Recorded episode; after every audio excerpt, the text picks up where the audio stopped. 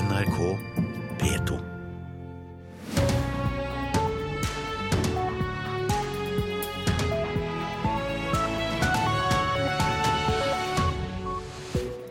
God mandagsmorgen. Klokka er 6.30. Du lytter til Nyhetsmorgen med Anne Jetlund Hansen i studio. Dette er våre hovedsaker nå. Demonstrasjoner skaper kaos på veiene i Hongkong. Banker, butikker og skoler er også stengt. Passasjerer med spesielle behov må ofte vente forgjeves når de bestiller drosje, ifølge Norges Handikapforbund.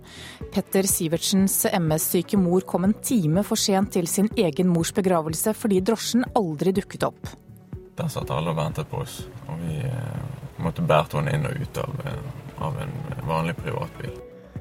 Oppussingen ved en skole i Andøy i Nordland skulle i utgangspunktet koste noen hundre tusen kroner, men nå har prisen kommet opp i 19 millioner.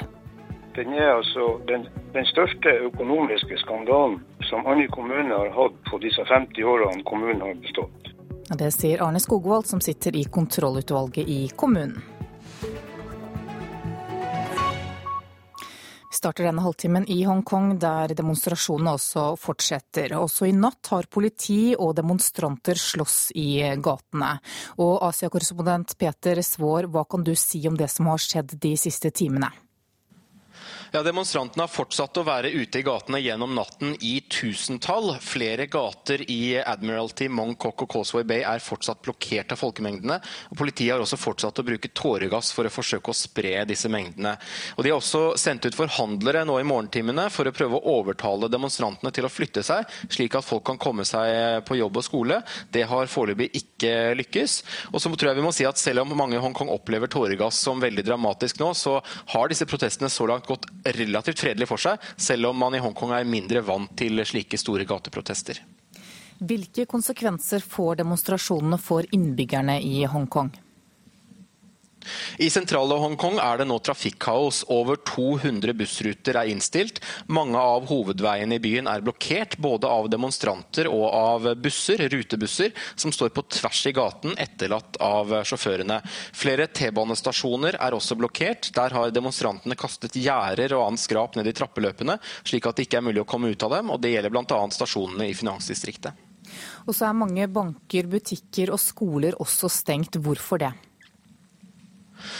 Ja, 29 bankfilialer holder nå stengt, og alle skoler i området Central av Hongkong samt vest i byen er stengt.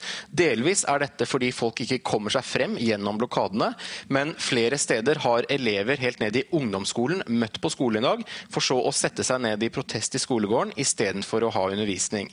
Og Lærerforbundet i Hongkong varslet også streik i helgen, at lærerne går ut i streik, i protest mot det de kaller politiets overdrevne voldsbruk. Så hvor mye undervisning det blir, er det er uansett eh, ikke sikkert akkurat nå. Og For kort tid siden så kom det eh, meldinger om at en britisk storbank stanser deler av bankvirksomheten i Hongkong pga. disse demonstrasjonene. Hvordan blir det tatt imot? Ja, Hongkongs sentralbank sendte i morgentimen i dag ut melding om at de har satt i gang beredskapsrutiner for å sikre at byens finansmarkeder flyter som eh, normalt. Det handler bl.a. om å sikre det såkalte intrabankmarkedet og valutahandelen dersom det er flere banker nå som stenger dørene. Børsen i Hongkong åpnet eh, ned i morges. og Dette er jo også delvis hva demonstrantene vil oppnå. Denne bevegelsen heter Occupy Central. Målet deres er å ramme Hongkongs eh, finansstrøk Central, gjennom, også økonomisk gjennom den blokaden blokaden som de nå har satt i gang. Og Hvordan er reaksjonene i fastlandskina på det som skjer i Hongkong nå? Lederen i kommunistpartiets avis Global Times skriver i dag på lederplass at eh, de radikale aktivistene i Hongkong er fortapt, og at alle vet at det er nytteløst å endre partiets beslutning om politiske reformer, dvs. Si den svært restriktive nominasjonsprosessen eh, i valget i 2017, som altså har startet eh, disse protestene. Men ellers har parti, kommunistpartiet her i Beijing sagt at de har tillit til at myndighetene i Hongkong selv kan håndtere eh, disse demonstrasjonene nå, og har sagt at de anser disse demonstrasjonene som ulovlige, men eh, at de ikke har tenkt å foreta seg noe ytterligere. Og, og Regjeringen i Hongkong har også sagt at de ikke på nåværende tidspunkt ber om noen, eller kommer til å be om noen hjelp fra myndighetene i Fastlandskina. Takk skal du ha, Peter Svaar. Mange tusen norske DNA-profiler er fremdeles lagret ulovlig, og nå ber Kripos Folkehelseinstituttet om hjelp til å slette alle profilene. Det er tre og et halvt år siden Datatilsynet avslørte at flere tusen DNA-profiler var lagret ulovlig i politiets register. Mange er vitner og ofre i krimsaker. Ifølge Aftenposten var 200 av i alt 7000 profiler slettet i september, men nå viser det seg at eh, enda flere DNA-profiler enn først antatt må slettes. Det er ingen forskjell på pasienter som er blitt operert for skadd menisk og de som ikke er operert. Det viser en finsk studie. Hvert år utføres det 15 000 meniskoperasjoner her i landet, men legene er uenige om dette er den beste behandlingen. Nå vil spesialsykehus droppe operasjon for halvparten av pasientene. Dag Eirik Vågdal er en av dem som lenge har sett frem til operasjon. Jeg har fått påvist uh ruptur på menisk. og jeg, Det er egentlig bare det å vente og få en time. egentlig. Operasjon eh, vil hjelpe. Dette blir min andre meniskoperasjon. Dag Eirik Vågdal ser fram til å få operert menisken, men han møter motbør hos overlege Nina Kise ved Martine Hansens hospital. Hun sier nei til halvparten av pasientene som vil operere. Det som skjer når vi tar bort en del av menisken, det er at den beskyttende funksjonen fra meniskene den blir ødelagt. Ja, det er jo. Men du er på en måte i en kategori pasienter der jeg tenker at du kanskje ikke nødvendigvis trenger å bli operert for å bli bra nok i kneet? Jeg vet ikke.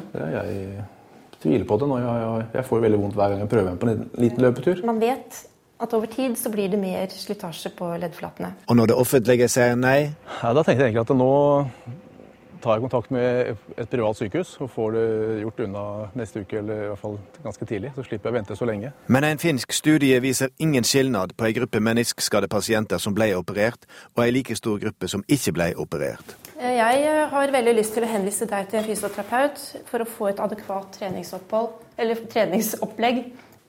Disse meniskene skal du ha hele livet, og det er verdt å gjøre en investering. Likevel, på det private sykehuset Aleris opererer overlege Christian Bjørgul mange pasienter med menisktrøbbel. Vi, vi syns jo det at menisken er en viktig struktur i kneet, men vi er litt usikre på om en ødelagt menisk er en viktig struktur i kneet. Vi tror at det er bedre å klippe ut de ødelagte delene av menisken enn å la pasienten gå med det i 10-20 år, og at de ødelagte bitene sliter på brusken i kneet. Og Bjørgul avviser at private klinikker har lavere terskel og gjerne opererer pasienter som offentlige sykehus ikke legger under kniven. Jeg jobba i det offentlige før og jobber i det private nå, og jeg føler ikke at jeg har bytta holdning av å komme til det private. Jeg prøver å ha en faglig begrunna holdning for alt jeg gjør. Men eh, Dag Eirik fikk nei til kneoperasjon i det offentlige helsevesenet, og følger nå et treningsopplegg hos fysioterapeut i tre måneder. Målet er å unngå operasjon. Nei, det er, jo, det er jo litt uvant øvelse. Jeg har ikke gjort noe særlig på sånne små sånne balansebrett tidligere, så jeg kjenner at det er en øvelse jeg tror jeg må øve på litt mer for å få godfølelsen. Ja, reporter her, det var Bjørn Atle Gildestad. Du kan se mer om dette på Puls på NRK1 i kveld klokka 19.45. Drosjen som Petter Sivertsen hadde bestilt til sin MS-syke mor da de skulle i hennes mors begravelse, dukket aldri opp. Ifølge Norges Handikapforbund så er det ikke uvanlig at passasjerer med spesielle behov må vente forgjeves på drosje. Sivertsen måtte til slutt selv bære moren sin inn i en privatbil og kjøre til begravelsen, mens en fullsatt kirke satt en time og ventet. Der satt alle og ventet på oss. Og vi eh, måtte bære henne inn og ut av, eh, av en vanlig privatbil. Og la rullestolen stå igjen. Det var jo en påkjenning, min mor har MS og stress. Det trigger jo det, så hun var ganske, ganske utmattet av den episoden der. Familien hadde bestilt taxi i god tid dagen før. Likevel kom ingen bil. Resultatet var at Petters MS-syke mor kom én time for seint i sin egen mors gravferd. Det var en veldig tung dag. Hun holder jo ut og biter det i seg, og, men, men, det tok noen dager før hun kom til hektene. Men historien er dessverre ikke unik. Terje Hertø i Norges Handikapforbund blir ofte kontakta av folk fra hele landet som opplever lignende saker. Vi har mottatt mange flere henvendelser om sånn problematikk i år sammenlignet med i fjor, så det kan virke som det er et voksende problem. og samtidig Samtidig så er vi redde for at disse historiene bare er toppen av isfjellet. Leder i Bergen Taxi, Jan Valør, vil ikke uttale seg om den eh, spesielle episoden, men sier at de jobber med at slikt ikke skal skje. Det er svært, svært trist og beklagelig. Det er selvfølgelig ikke slik det skal være. Hva kan det gjøre bedre da, for at dette ikke skal skje? Vi har allerede nå i høst så vi økt rullestolkapasiteten vår til rundt 30 biler og plusset på fem-seks biler. For Petter og familien kjennes det likevel usikkert å være avhengig av en drosje, når en ikke har noen garanti om at den dukker opp i tide. Det er jo veldig trist, for det ofte kreves det jo ekstra mye planlegging når det er passasjerer som har spesielle behov. Og i vårt tilfelle så var det ekstremt når det var min mor sin mor som skulle begraves. Og reporter her, det var Eli Fossdal Våge. Skal vi se hva avisene har på forsidene sine i dag. Bergens Tidende skriver at Norge i flere år har jobbet med andre land for å utvikle et rakettforsvar. De norske fregattene kan bli en del av systemet, ifølge avisen. SVs Bård Vegar Solhjell er bekymret over at dette har gått så langt, uten at Stortinget er orientert. Aftenposten skriver at de eldre kan bli taperne i den nye kommunereformen. En ny rapport advarer om at det blir for mye for kommunene å ta hånd om eldrebølgen samtidig som en rekke kommuner skal slå seg sammen. Klassekampen forteller at Arbeiderpartiet og Kristelig Folkeparti åpner for å si ja til en statlig milliardgaranti for et OL i Oslo i 2022, under visse forutsetninger. KrF vil bl.a. Eh, avvise Den internasjonale olympiske komités krav om et skatteamnesti. Kan måtte selge resistent juleribbe, er overskriften i Nasjonen i dag. For lite norsk svineribbe gjør at vi kan måtte importere hver femte juleribbe i år. Regler i EU hindrer Mattilsynet her hjemme å kontrollere ribba for resistente bakterier. Dagens Næringsliv skriver at ti norske topper i oppkjøpsfond sitter på verdier for 1 milliard kroner i sine private selskaper. Vi får betalt for at vi turte å investere etter dotcom-boblen på begynnelsen av 2000-tallet, sier en av dem, Gert Munthe, som var med på å starte det norske oppkjøpsfondet Hercules. VG skriver om 32 år gamle Wenche Monsen som har vært kreftsyk hele livet av tre ulike typer kreft. Hun drømmer nå om å bli helt frisk etter tre tiår med behandlinger. Vårt Land forteller at studentene strømmer til arabiskstudier. Ved Universitetet i Oslo har om lag 20 ganger så mange søkt på arabiskstudiet de siste fem årene som på begynnelsen av 2000-tallet. Bare 2% av befolkningen mener SV gjør et meget godt eh, totalinntrykk. Det skriver Dagsavisen i dag. Omdømmemålingen fra Ipsos MMI viser at Arbeiderpartiet derimot gjør det bedre enn noensinne og knuser regjeringen i omdømme. Mens Dagbladet har et stort bilde av finansminister Siv Jensen på sin forside i dag. Overskriften er 'Nå må løftene innfris'. Sivs tøffeste kamp noensinne. Skal det bli sport her i eh, Nyhetsmorgen. Petter Solberg er den første som er blitt verdensmester i to ulike bilsportgrener etter at han vant rallycross-VM sammenlagt i går. Og gratulasjonene strømmer på, både fra Ole Einar Bjørndalen og ikke minst mister rallycross selv, nemlig Martin Skanke. Det er jo flott. Han er jo den første som er både verdensmester i rally og rallycross. Det, det er bare å bukke og gratulere. Jeg, jeg ligger vel på rundt 200 eh, meldinger nå fra Lob og FX, gamle ingeniøren min, og, og Bjørndalen. er kjempeimponert. og det er, eh, det er deilig følelse. Han fikk mye større oppmerksomhet da han vant verdensmesterskapet i rally i 2003.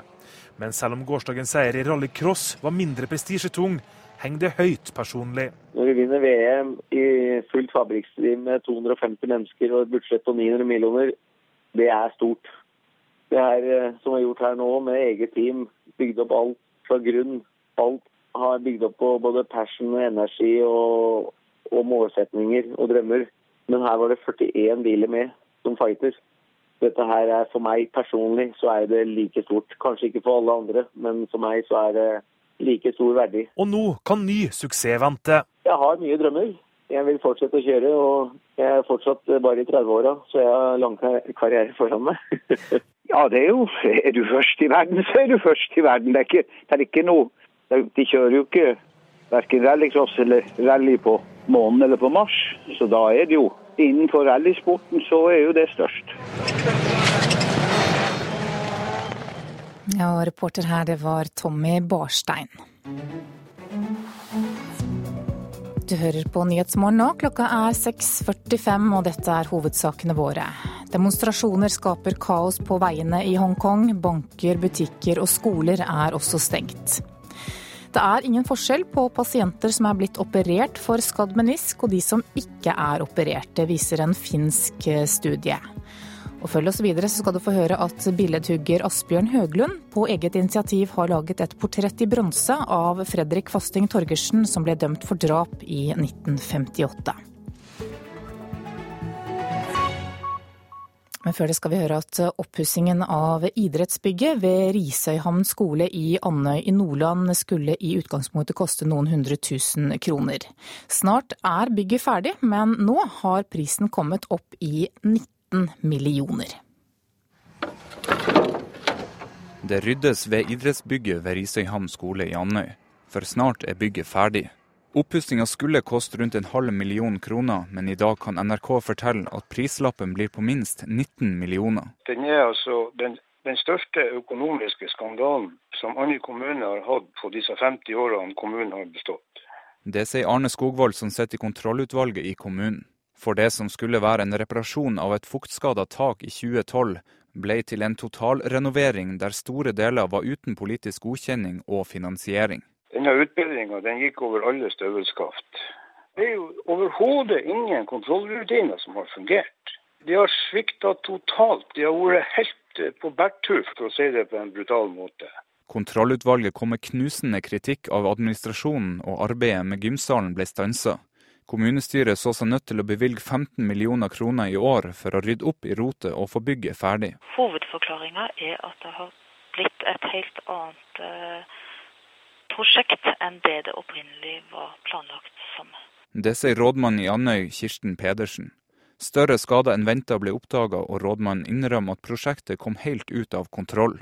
Det har kontrollutvalget i hovedsak helt rett i. Og i tillegg til det, så er jo det selvfølgelig rådmannens Det var rådmannens ansvar, så det var mitt ansvar. Kommunestyret har pålagt rådmannen å få på plass bedre rutiner for rapportering om prosjekter, noe som nå er på plass.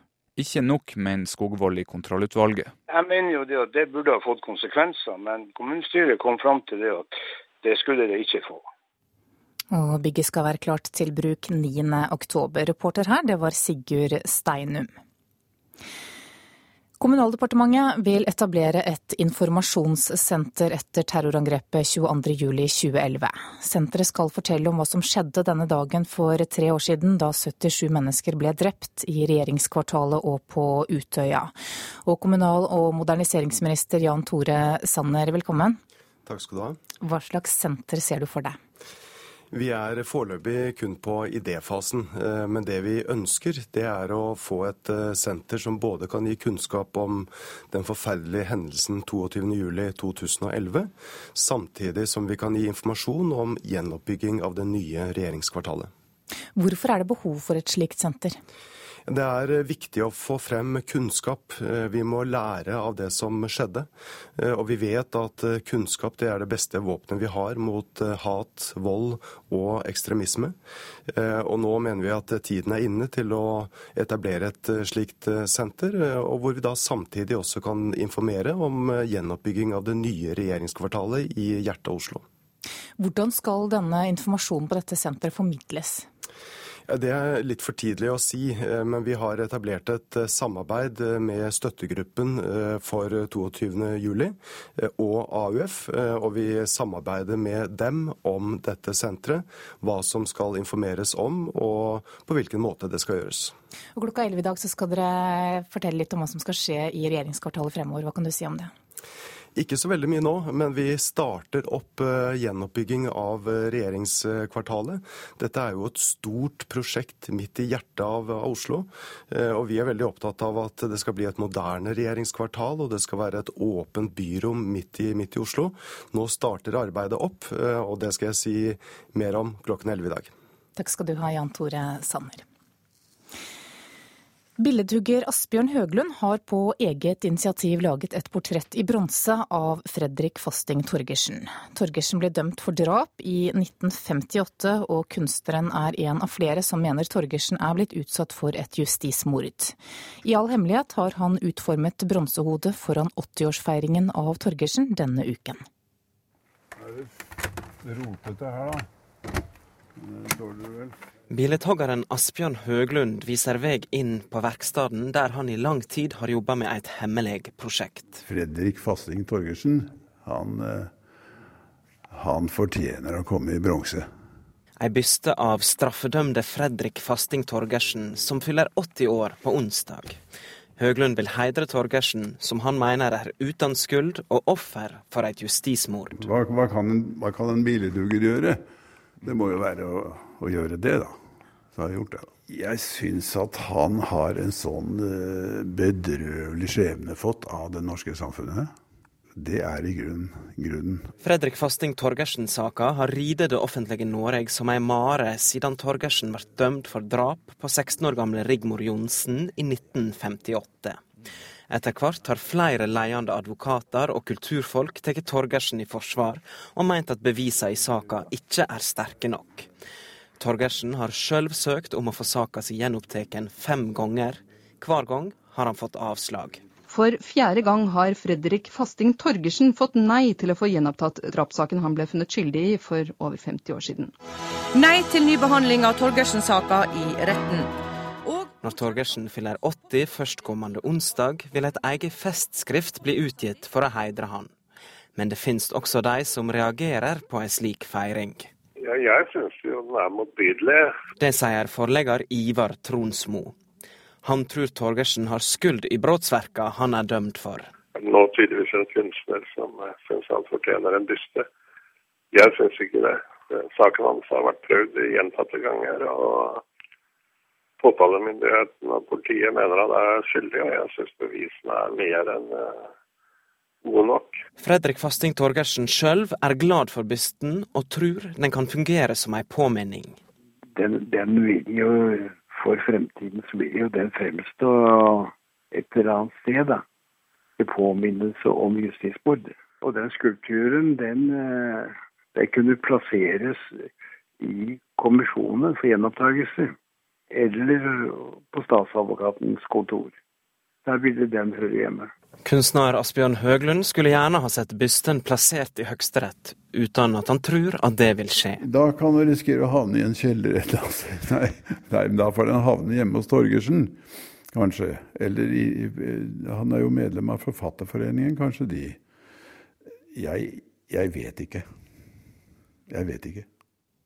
Og nylig opphevet lagmannsretten en tidligere dom som avslo Fasting Torgersens begjæring om gjenopptakelse. Dermed kan saken nå bli begjært gjenopptatt på nytt. Så reportere her det var Lars Ivar Nordahl og Torkil Torsvik.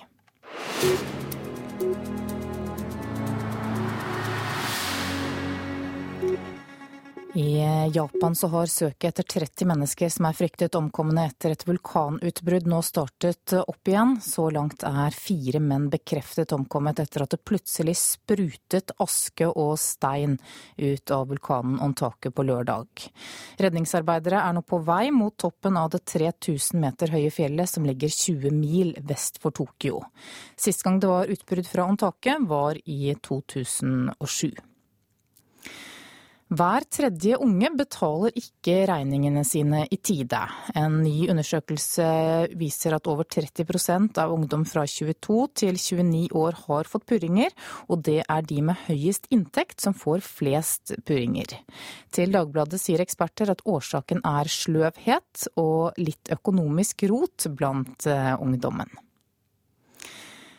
Til neste år er det 70 år siden Edvard Munch døde, og da mister Oslo kommune og Munch-arvingene opphavsretten til kjente verk som Skrik og Madonna. Det har satt i gang et kappløp om å få rettighetene til både navn og bilder. Og det første firmaet som har sikret seg retten til å selge et Munch-relatert produkt, står bak vodkaen Scream. Dette er eh, Scream Vodka. Sven Hauge i alkoholprodusenten Rosmersholm viser frem en blank flaske med et svært kjent motiv på, som han har hatt enerett til å produsere siden 2009. Men for å beholde eneretten måtte Hauge gjennom en omfattende prosess. Munchs kunst fristilles i 2015. Så i 2012 så sjekket vi hvordan det lå an med beskyttelsen av nettopp Skrik i forbindelse med denne vareklassen 33 som vi jobber i. Og det viste seg at det ikke var sendt inn noen søknad fra Oslo kommune, så vi ønsket å sikre våre rettigheter. For det er Oslo kommune som sammen med Munch-arvingene har hatt rettighetene frem til nå. Men til neste år er det 70 år siden Edvard Munch døde, og 1.1.2015 blir opphavsretten til Munchs kunst sluppet fri. Da kan i utgangspunktet hvem som helst lage Munch-relaterte produkter, noe Oslo kommune har forsøkt å sette en stopper for ved å sende inn 13 varemerkesøknader til Patentstyret, forteller Henrik Svalheim ved Munch-museet. Man uh, har vært redd for en utilbørlig bruk av, uh, av, motivene, og at man skulle kunne fortsette å kontrollere det. Det, det mister vi. Men uh, det vi har vært mest redd for, det er eh, at noen andre går inn og registrerer et varemerke og hindrer oss fra å selge produkter i butikken vår som turistene etterspør, eller eh, å sette navn på f.eks.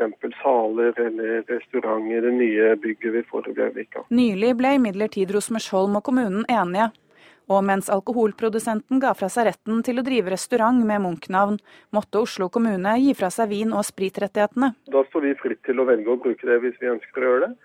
Eh, eller kan gi andre muligheten til å gjøre det, eh, mens de kan drive med, med vin og sprit. Fremdeles venter Oslo kommune på at ni av varemerkesøknadene skal avgjøres. Dette vil mest sannsynlig skje i løpet av høsten for ankefristen i en tilsvarende sak om Gustav Vigelands verker går ut i begynnelsen av oktober, ifølge Knut Andreas Bostad i Patentstyret. Det er noen tilsvarende saker som uh, gjelder Vigeland, som da, har bedre prioritet. Så vi skal først få avklart det rettslige spørsmålet rundt kunst som varemerker, før man eventuelt vurderer disse Munch-bildene som varemerker. Og Det sa Knut Andreas Bostad i Patentstyret, og reporter her det var Linn Marie Hammersnes. Da skal vi se på et værvarsel som gjelder til midnatt. Fjellet i Sør-Norge kan vente seg vestlig bris i dag. Kuling utsatte steder først på dagen. Først på dagen regn nord for Finse og snø over 1300 meter. Ellers opphold. Østlandet og Telemark kan vente seg vestlig bris i dag. I morgentimene frisk bris på kysten og oppholdsvær. Agder vestlig bris, frisk bris på kysten. Enkelte regnbyger i vest først på dagen, ellers opphold. Rogaland skiftende bris, enkelte regnbyger først på dagen, ellers oppholdsvær. Hordaland skiftende bris, enkelte regnbyger, i kveld lettere vær. Sogn og Fjordane minkende til vestlig bris, regnbyger, i kveld skiftende bris og lettere vær. Møre og Romsdal sørvestlig sterk kuling, regnbyger, i ettermiddag minkende til vestlig bris og lettere vær. Trøndelag sørvestlig liten storm på kysten. I ettermiddag stiv kuling. Regnbyger utrygt for torden. I kveld nordvestlig frisk bris og lettere vær. Nordland sørvestlig liten storm utsatte steder. Minkende. Regnbyger og utrygt for torden. Det er ventet lokalt mye nedbør. I ettermiddag nordvestlig liten kuling. I kveld frisk bris og avtagende nedbør. Troms frisk bris av skiftende retning, senere nordlig. Regnbyger og senere sluddbyger. Finnmark østlig bris, i ettermiddag dreiende nordlig frisk bris. Utsatte steder regn av og til, senere sluddbyger. Og på Nordensjøland på Spitsbergen er det ventet skiftende bris i dag, og stort sett oppholdsvær. Så tar vi med noen temperaturer som ble målt klokka fem. Da hadde Svalbard lufthavn minus én grad. Kirkenes pluss to. Vardø 6, Alta 0, Tromsø 5, Bodø 10, Brønnøysund, Trondheim og Molde hadde alle 9. Bergen og Stavanger 10, Kristiansand 13, Gardermoen 11, Lillehammer 9, Røros minus 1, og på Oslo-Blindern så var det 11 grader klokka fem i morges. Det er ventet mye vind fra Stad til Lofoten i dag. Lokalt mye nedbør i Nordland, men både vind og nedbør minker utover dagen. Og når det gjelder temperaturutsiktene, så er det ventet kaldere vær over hele landet. Klokka er 7.03 og Nyhetsmorgen fortsetter med disse sakene. Petroleumstilsynet er redd for at oljebransjen kutter så mange stillinger at det kan føre til en stor ulykke. Et rentekutt fra de store bankene kan komme når som helst, det mener flere eksperter. Og i Hongkong er det kaos. Også i natt har det vært kamper mellom demonstranter og politi. Jobbkuttene i oljebransjen kan i verste fall ende med en stor ulykke. Det frykter Petroleumstilsynet, som nå vil holde et ekstra øye med de selskapene som kutter hardest. Det er allerede et voldsomt etterslep på vedlikehold ute på plattformene, og det blir ikke bedre når det kuttes, mener de som skal gjøre denne jobben. Det sjekkes for rust på en plattform i Nordsjøen. Gjennom tusenvis av rør og ventiler sendes olje, gass, vann og kjemikalier. Og for at alt skal være sikkert, må det sjekkes og repareres. Men de siste tiders jobbkutt i oljeindustrien rammer nettopp de som gjør denne jobben. Jeg er bekymra for at man ikke skal forstå konsekvensene av de kuttene man gjør. Eh, og da snakker vi om konsekvenser både på kort sikt, men ikke minst på lang sikt. Anne Myhrvold er direktør i Petroleumstilsynet. De sitter med en oversikt over hvor mye vedlikehold som mangler på norske plattformer, og det er mye. 100 000 arbeidstimer, hvorav 20 000 er sikkerhetskritiske. Det etterslepet vil jo ikke bli eh, noe mindre, eh, det vil jo bli bare enda større. Det sier Roger Berg-Hansen. Han er hovedtillitsvalgt for de 600 ansatte i oljeservicebedriften Bilfinger, som mista jobben for kort tid siden. Oppgavene deres på sokkelen var nettopp vedlikehold og reparering av rør og ventiler. Og Det er jo det som eh, er vår frykt. Det er at gjør det vi bestandig har gjort, dessverre. Vi venter til vi får en stor ulykke, istedenfor å gardere oss nå. Og så ta det før vi havner i en katastrofal situasjon. Er du redd for at det kan skje en ulykke hvis man ikke er ja, også? Ja, det er klart. I ytterste konsekvens er jo nettopp en, en storulykke og andre for så vidt mindre ulykker helt klart det som uh, man frykter. Men den bekymringen deler ikke oljeselskapene. Vi er sikre på at uh, selskapene foretar de nødvendige vurderingene som trengs når det gjelder vedlikeholdet. Det sier Maiken Ree, som er informasjonssjef i bransjeforeninga Norsk olje og gass.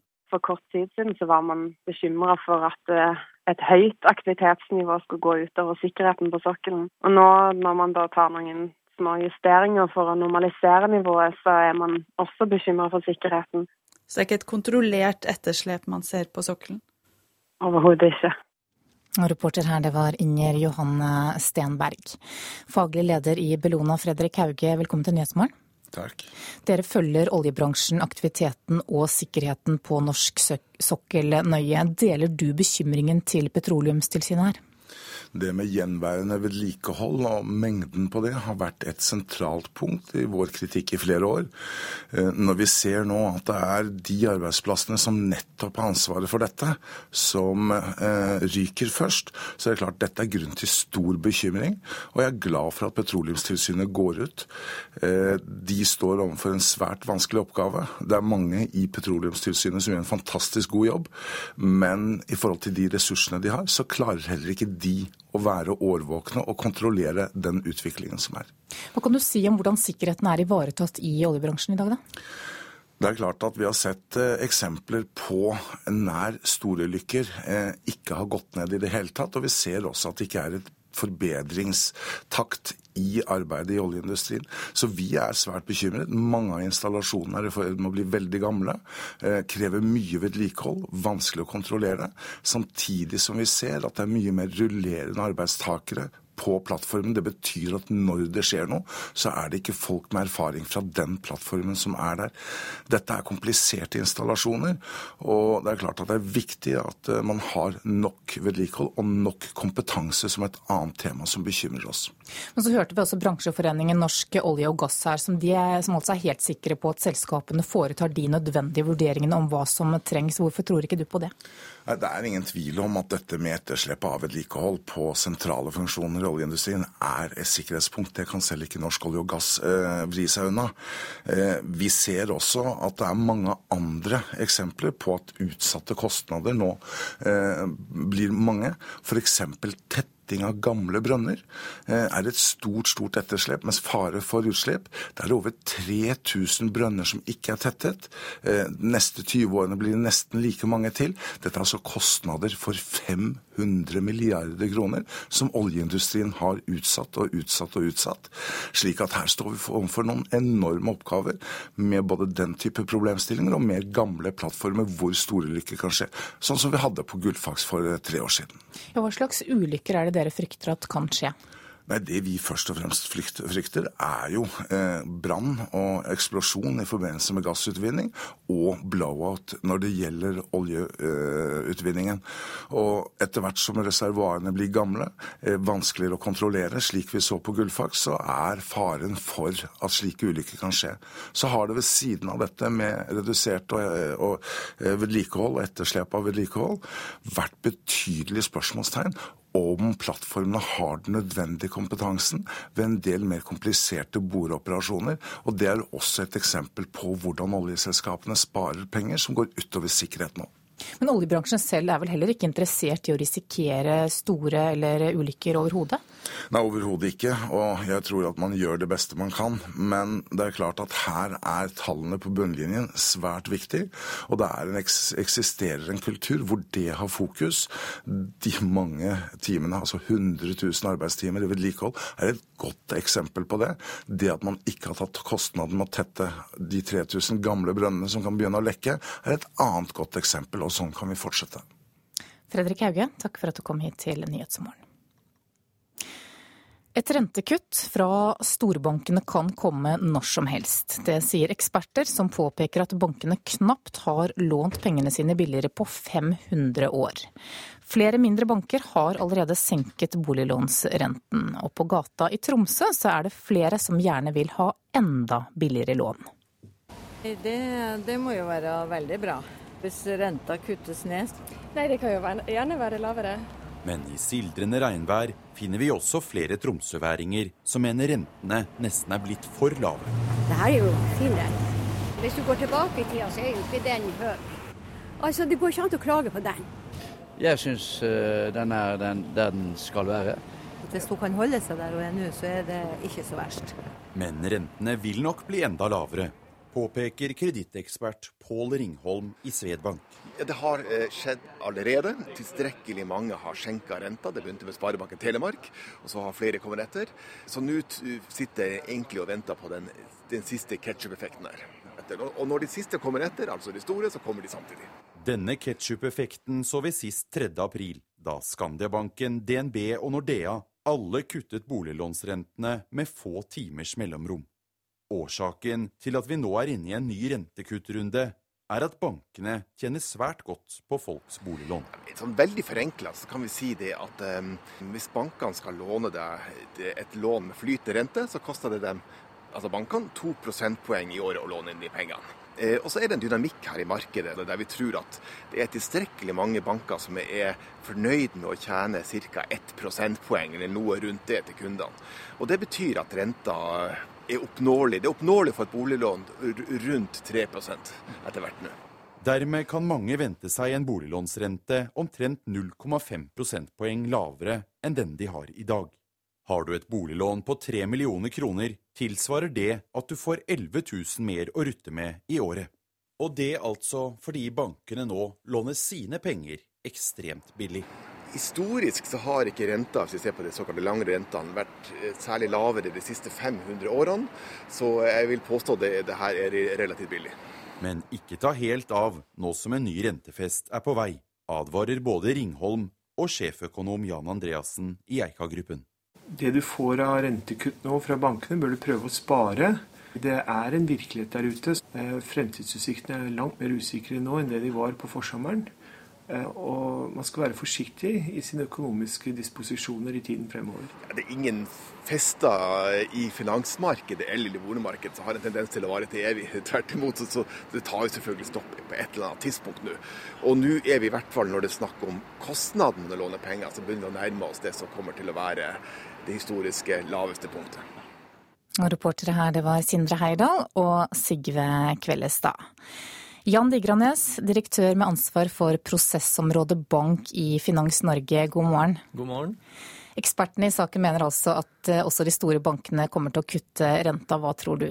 Ja, Dette er jo opp til den enkelte bank å avgjøre tidspunktet for, men konkurransen i markedet er så hard at eh, hvis du ønsker å beholde boliglånene, boliglånskundene dine, så, så, må nok de andre også etter hvert følge etter. Så, så tøff er denne konkurransen i boligmarkedet nå.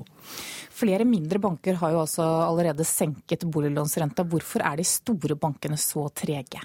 Nei, Dette varierer jo fra gang til gang. Nå hørte vi i innslaget her at i våres så var det DNB og Skandiabanken bl.a. som var de første. Nå var det da Sparebanken Telemark og flere av de små bankene. Så her er det ikke noe system.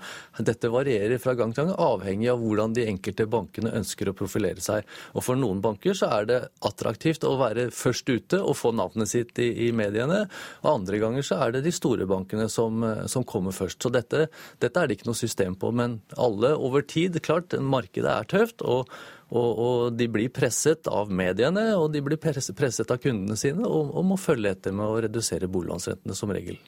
Mange av oss som har boliglån, vi jubler jo over rentekutt, men hvilke negative konsekvenser kan det få? Nei, altså Rentene i den norske, eh, norske økonomien er jo svært lave nå. Og man skal jo man skal jo huske på det at eh, man skal ikke bruke den muligheten nå til å ta opp eh, veldig mye mer i lån. Altså man skal, hvis man har, har, et stort lån, så bør man heller prioritere å, å betale ned på det lånet fremfor å, å ta opp mer lån. Og det, og det, er, det er, viktig å, å passe på sin egen husholdningsøkonomi på den måten. Hvordan kommer det til å påvirke boligmarkedet, da? Boligmarkedet er jo Der er det jo press. Altså, vi vet jo det at det er lite tilgang på enkelte typer boliger i det norske boliglånsmarkedet. Eh, og, det er klart at hvis man da bruker en sånn rentenedsettelse til å presse opp, eller ta opp mer lån, så, vil man bidra til å presse opp eh, prisene i boligmarkedet ytterligere. Og det er jo sånn at det er jo særlig for de yngre som skal inn i boligmarkedet sånn for første gang, så er det svært krevende. Så det høres jo fristende ut å ta opp mye lån, men, men man skal alltid være litt forsiktig med hvor mye lån man eh, tar på seg. Ja, Vi hørte jo disse ekspertene ekspertene i innslaget her eh, som anbefalte oss å spare pengene til dårligere tider. Hvor flinke er vi til det, egentlig? Jeg tror eh, den jevne norske mann og kvinne er flinke til det. De, eh, de, er flinke til å ikke ta opp for mye forbrukslån. De tenker på at det lønner seg å spare til store innkjøp før man kjøper dem, og ikke låne pengene. Det, det viser seg at det er smart over tid. og og når man nå har så lav rente som vi nå har i Norge, så bør man definitivt bruke en del av det man da får til overs, som vi hørte om i innslaget her, det bør man bruke til å, betale ned på boliglånet sitt. For du får ikke en sånn mulighet med så lave renter igjen på 500 år, hvis man skal tro på Pål Ringholm, da. Jan Digranes, takk for at du kom hit til Nyhetsmorgen. Klokka er 7.16 nå. Du hører altså på Nyhetsmorgen, og dette er hovedsakene våre. Petroleumstilsynet er redd for at oljebransjen kutter så mange stillinger at det kan føre til en stor ulykke. Og også Bellona deler den bekymringen, hørte vi litt tidligere i Nyhetsmorgen her. Et rentekutt fra de store bankene kan komme når som helst, det mener altså flere eksperter. Og følg oss videre, denne uka blir nemlig svært viktig i svensk politikk. I dag samles den nye riksdagen i Sverige. I Hongkong så er det kaotiske morgentimene med stengte veier og demonstranter som har satt opp barrikader. Også i natt har det vært gatekamper mellom demonstranter og politiet. Tusenvis av demonstranter bygger barrikader av alt de finner i gatene av gjerder og stoler. Plutselig smeller det, og det er politifolk med hjelmer og gassmasker som skyter tåregass inn i mengden av demonstranter som flykter i panikk. Det er kaotisk i Hongkong bare timer før en av verdens store finanssentra åpner for business. Well, uh, it is very encouraging that uh, so many people took to the street today uh, to uh, demand democracy. Det er oppmuntrende å se så mange folk ta til gatene og kreve demokrati. Mange roper slagord om at de ønsker demokratiske rettigheter, og det er akkurat det vi krever, sier Chang Kinman, som er en av de mange som står bak de store demonstrasjonene de siste dagene. Uh, uh, Den hvite røyken av tåregass som driver mellom de høye kontorblokkene og shoppingsentrene i Hongkong, er et tydelig tegn på alle problemene Kinas kommunistparti har med å holde de sju millioner menneskene i den gamle britiske kolonien i ørene.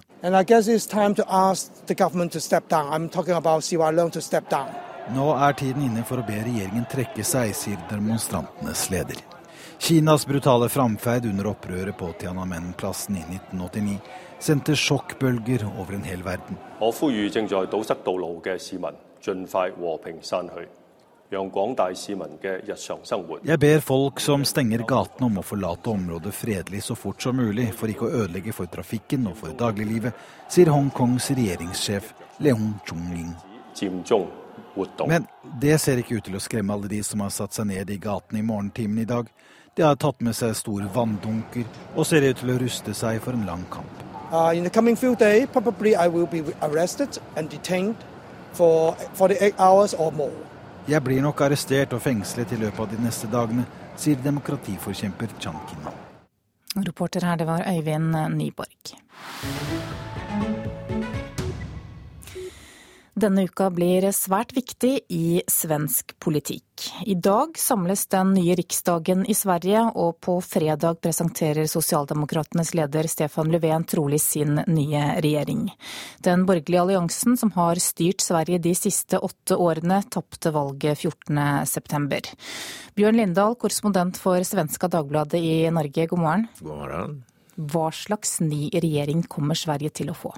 Ja, vi kommer ju få en regjering som består av Socialdemokraterna och Miljöpartiet men som da måste ha et slags stöd av Vänsterpartiet også for å få gjennom sin statsbudget. Hva blir de vanskeligste sakene i samarbeidet mellom Sosialdemokratene og Miljøpartiet? Man har redan kommet overens om en av frågorna, nemlig skolan, der man da har sagt at eh, Eh, gymnasiet, dvs. Si den videregående skolen, den skal bli obligatorisk. Man skal få mindre klasser, og man skal få høyere lærerlønner. Så at redan ser vi litt av den politikken som kommer. Svåre frågor er kjernekraften, det er innvandringspolitikken, det er den generelle økonomiske politikken. Men hvor vanskelig blir det for Löfven og den nye regjeringen å få støtte for politikken sin? De har ju ingen majoritet så de måste ju få stöd eh, även eh, från annat håll eh, om de ska få igenom statsbudgeten. Men det finns ju lite möjligheter i den svenska riksdagen att lägga ner sina röster och, och rösta på andra förslag. Så att eh, det är inte bara att man måste rösta ja eller nej. Det innvandringskritiske partiet Sverigedemokraterna fikk nesten 13% av stemmene ved valget. Hvor stor innflytelse kommer de til å få i Riksdagen? De har ju, i, i morgon kommer man då välja det som heter talman, det vill säga eh, riksdagens president. Eh, och då väljer man samtidigt vice talman. Och där har det, den första striden stått eh, om Sverigedemokraterna skulle få någon talmanspost eller inte. Nu får de troligen den andra vice talmansposten. Något som Vänsterpartiet försökte hindra. Så, men däremot kommer de nog inte få någon eh, förmanspost i de olika kommittéerna i riksdagen. Eh, så det återstår lite att se hur mycket inflytande de egentligen får. Hvilken rolle kommer Moderaterna til å spille som opposisjonsparti? Jeg tror at så här inledningsvis så tror jeg at de kommer være relativt eh, medgjørlige og eh, så att säga låta Stefan Löfven få en chans att bilda regjering og och kanske även få igenom en statsbudget. Og och sen er jo det partiet i fas med at att de måste hitta en ny partiledare. Så att det er veldig mye av deres energi som kommer ägna seg åt det. Hvilke konsekvenser får det for deres videre arbeid at både tidligere statsminister Fredrik Reinfeldt og tidligere finansminister Anders Borg forsvinner ut av svensk politikk? Ja, det gjør jo til eksempel at det er helt uaktuelt med et nyvalg i Sverige. For at det skulle alliansen da eh, forlore enda mer enn hva de gjorde det her, når man ikke ens har sin statsministerkandidat kvar. Jeg tror ikke på at eh, Fredrik Reinfeldt så å si, vender tilbake i så fall. Eh, så det er, en, eh, det, det er liksom flere prosesser her samtidig. Dels skal man bilde regjering, dels skal da Moderaterna og opposisjonen så seg selv. Hvordan vil det endre Sverige at, får, eller at Sverige får ny regjering? Ja, det endres jo trots alt veldig mye beroende på hvem som sitter med regjeringen. Det er 10 000 beslut som skal tas og, og Even om varje beslut kanskje ikke er så stort og, og så er det mye som regjeringen gjør, og som riksdagen inte gör. Så att eh, man kommer nog ganska tydligt se at det blir en del förändringar i Sverige framöver. Bjørn Lindahl, takk for at du kom hit til Nyhetsmorgen. Da skal vi se hva avisene har på forsidene sine i dag. Bergens Tidende skriver at Norge i flere år har jobbet med andre land for å utvikle et rakettforsvar. De norske fregattene kan bli en del av systemet, ifølge avisa. SVs Bård Vegar Solhjell er bekymret over at dette har gått så langt uten at Stortinget er orientert. Aftenposten skriver at de eldre kan bli taperne i den nye kommunereformen. En ny rapport advarer om at det blir for mye for kommunene å ta hånd om eldrebølgen, samtidig som en rekke kommuner skal slå seg sammen. Klassekampen forteller at Arbeiderpartiet og Kristelig Folkeparti åpner for å si ja til en statlig milliardgaranti for et OL i Oslo i 2022, under visse forutsetninger. KrF vil bl.a. avvise Den internasjonale olympiske komitees krav om skatteamnesti. Kan måtte selge resistent juleribbe, er overskriften i Nasjonen i dag. For lite norsk svineribbe gjør at vi kan måtte importere hver femte juleribbe i år. Og regler i EU hindrer Mattilsynet her hjemme å kontrollere ribben for resistente bakterier. Dagens Næringsliv skriver at ti norske topper i oppkjøpsfond sitter på verdier for 1 milliard kroner i sine private selskaper. Vi får betalt for at vi turte å investere etter dotcom-boblen på begynnelsen av 2000-tallet, sier en av dem, Gert Munthe, som var med på å starte det norske oppkjøpsfondet Hercules. VG skriver om 32 år gamle Wenche Monsen som har vært syk hele livet av tre ulike typer kreft. Hun drømmer nå om å bli helt frisk etter tre tiår med behandlinger. Vårt Land forteller at studentene strømmer til arabiskstudier. Ved Universitetet i Oslo så har om lag 20 ganger så mange søkt på arabiskstudier de siste fem årene som på begynnelsen av 2000-tallet. Bare 2% av befolkningen mener SV gjør et meget godt eh, totalinntrykk, det skriver Dagsavisen. Omdømmemålingen fra Ipsos MMI viser at Arbeiderpartiet derimot gjør det bedre enn noensinne, og knuser regjeringen når det gjelder omdømme. Mens Dagbladet har et stort bilde av finansminister Siv Jensen på sin forside i dag. Overskriften er 'Nå må løftene innfris'. Sivs tøffeste kamp noensinne.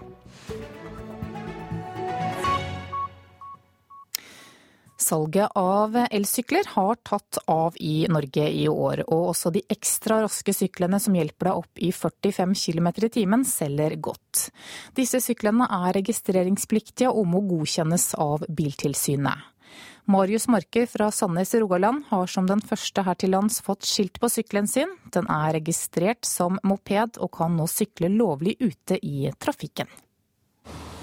Dette er etter det jeg vet, da, den første lovlige elektriske sykkelen som går i opptil 45 km i timen. Marius Marker fra Sandnes har bytta ut bilen med en raske elsykkel.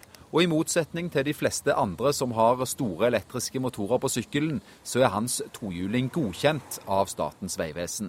Du må ha bremselys, eh, speil må du ha. Eh, og så må du ha papirene i orden som eh, viser at den er godkjent eh, til å bruke på vei. Da, da går du på bremser og sikkerhetsutstyr og sånn. Flere forhandlere melder nå om godt salg av såkalte speed pedelecs. Elsykler som har motorer som hjelper deg opp til 45 km i timen. Men de aller fleste som suser rundt på disse, bryter loven. Ikke har de ansvarsforsikring, og ikke er de registrerte de forholder seg jo ikke til reglene som eh, denne sykkelen eh, må. Men, eh, og de har heller ikke ansvarsforsikring på plass, f.eks., som er ganske viktig hvis det skulle skje noe. Men så er det én ting som er litt synd, da. Når du gjør den jobben som du har gjort her, og fått både speil og bremselys og skilt og alt dette. Du får ikke lov å sykle i sykkelfeltet eller på sykkel- og gangveien, altså selv om du, du tilpasser deg farten som andre har der. Ja, det er jo veldig synd.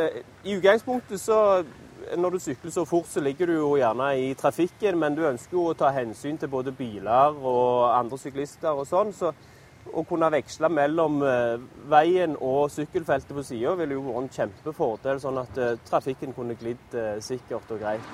Jeg har hørt om den før, og jeg har sett bilder av den, og det er jo kjempegenialt. Torfinn Ingeborg Ruud har sykla på elsykkel i årevis, og er tilhenger av alle miljøvennlige framkomstmidler.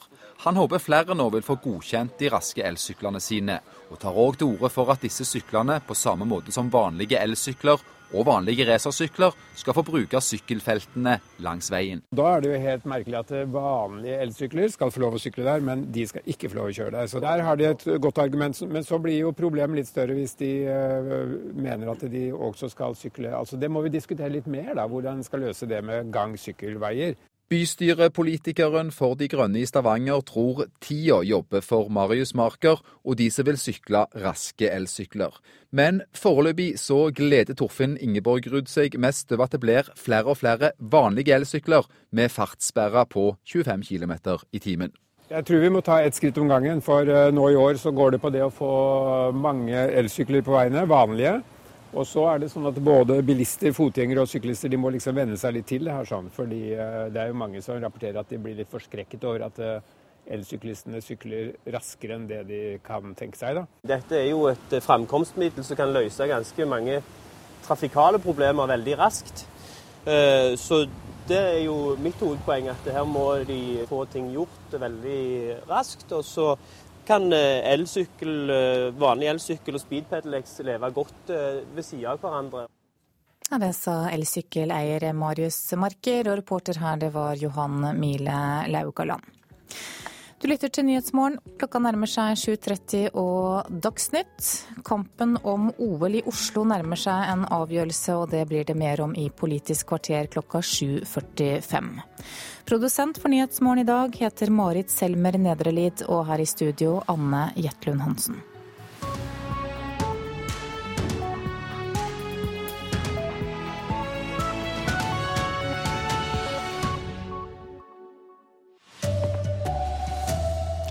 Storbankene kommer til å kutte renta når som helst, tror flere eksperter. Barrikader og trafikkaos preger Hongkong. Demonstranter krever at regjeringa går av. Og jobbkutta i oljebransjen kan ende med ei storulykke, frykter Petroleumstilsynet. God morgen, her er NRK Dagsnytt. Klokka er 7.30. Snart følger storbankene opp eh, sparebankenes rentekutt, det mener flere eksperter. Mange mindre banker har allerede senka bostadlånsrenta, og på gata i Tromsø er det flere som gjerne vil ha enda billigere lån. Det må jo være veldig bra, hvis renta kuttes ned. Nei, det kan jo gjerne være lavere. Og lavere vil nok rentene bli påpeker kredittekspert Pål Ringholm i Svedbank. Det har eh, skjedd allerede. Tilstrekkelig mange har skjenka renta. Det begynte med Sparebanken Telemark, og så har flere kommet etter. Så nå sitter jeg egentlig og venter på den, den siste ketsjup-effekten her. Og når de siste kommer etter, altså de store, så kommer de samtidig. Denne ketsjup-effekten så vi sist 3. april, da Skandiabanken, DNB og Nordea alle kuttet boliglånsrentene med få timers mellomrom. Årsaken til at vi nå er inne i en ny rentekuttrunde, er at bankene tjener svært godt på folks boliglån. Historisk så har ikke renta hvis vi ser på de såkalte lange rentene, vært eh, særlig lavere de siste 500 årene. Så jeg vil påstå det, det her er relativt billig. Sånn veldig forenkla så kan vi si det at um, hvis bankene skal låne deg et lån med flytende rente, så koster det dem, altså bankene, to prosentpoeng i året å låne inn de pengene det er tilstrekkelig mange banker som er fornøyd med å tjene ca. 1 prosentpoeng eller noe rundt det til kundene. Og Det betyr at renta er oppnåelig. Det er oppnåelig for et boliglån rundt 3 etter hvert nå. Dermed kan mange vente seg en boliglånsrente omtrent 0,5 prosentpoeng lavere enn den de har i dag. Har du et boliglån på 3 millioner kroner, tilsvarer det at du får 11 000 mer å rutte med i året. Det sa reporter Sindre Heierdal. I Hongkong krever demonstrantene at regjeringa går av. Opprørspolitiet har nå trykket seg fra gatene, men demonstrantene de nekter å gi seg. Plutselig smeller det, og det er politifolk med hjelmer og gassmasker som skyter tåregass inn i mengden av demonstranter som flykter i panikk. Det er kaotisk i Hongkong bare timer før en av verdens store finanssentra åpner for business. Uh, Mange roper slagord om at de ønsker demokratiske rettigheter, og det er akkurat det vi krever, sier Chang Kin-man, som er en av de mange som står bak de store demonstrasjonene de siste dagene.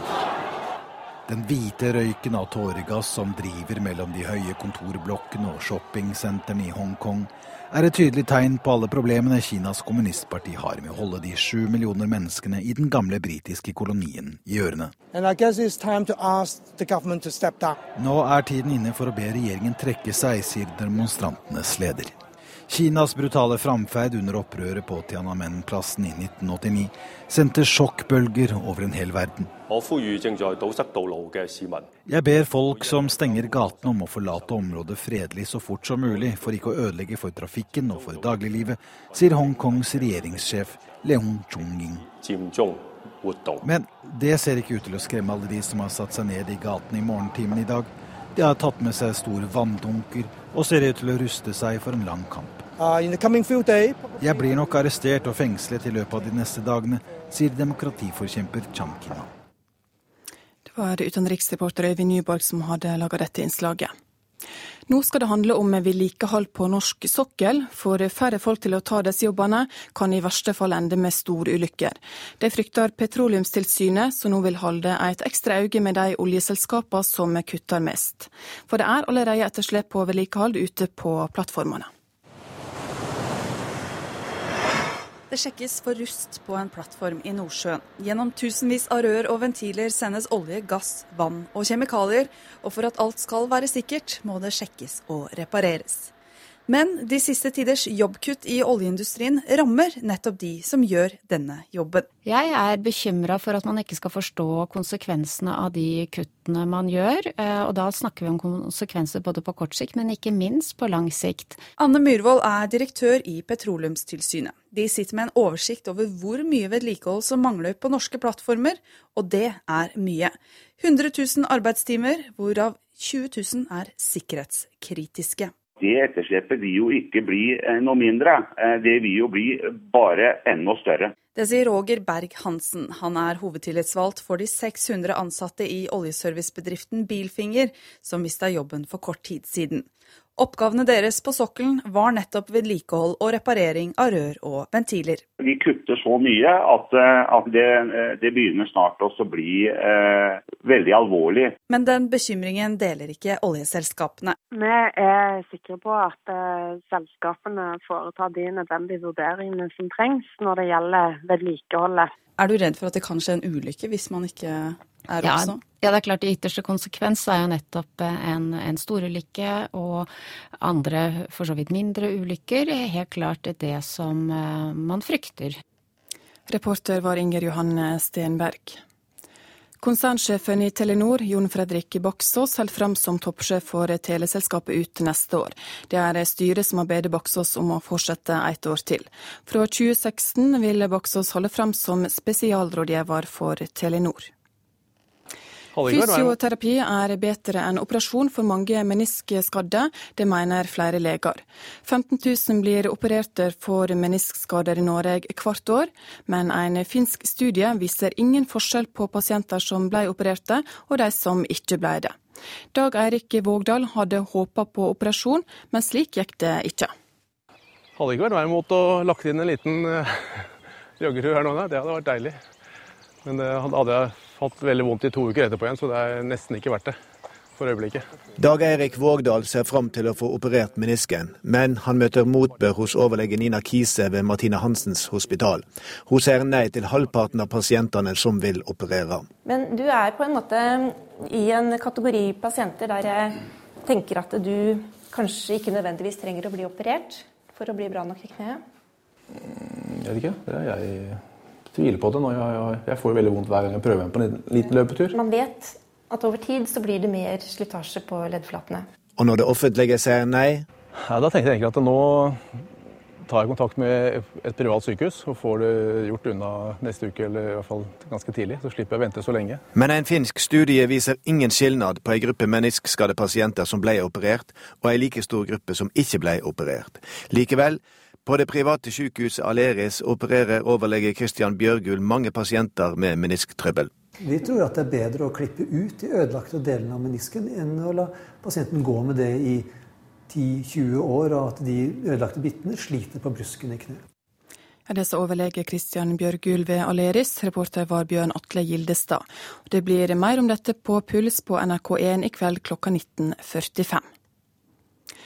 Norge har i flere år jobba sammen med andre land for å utvikle et rakettforsvar.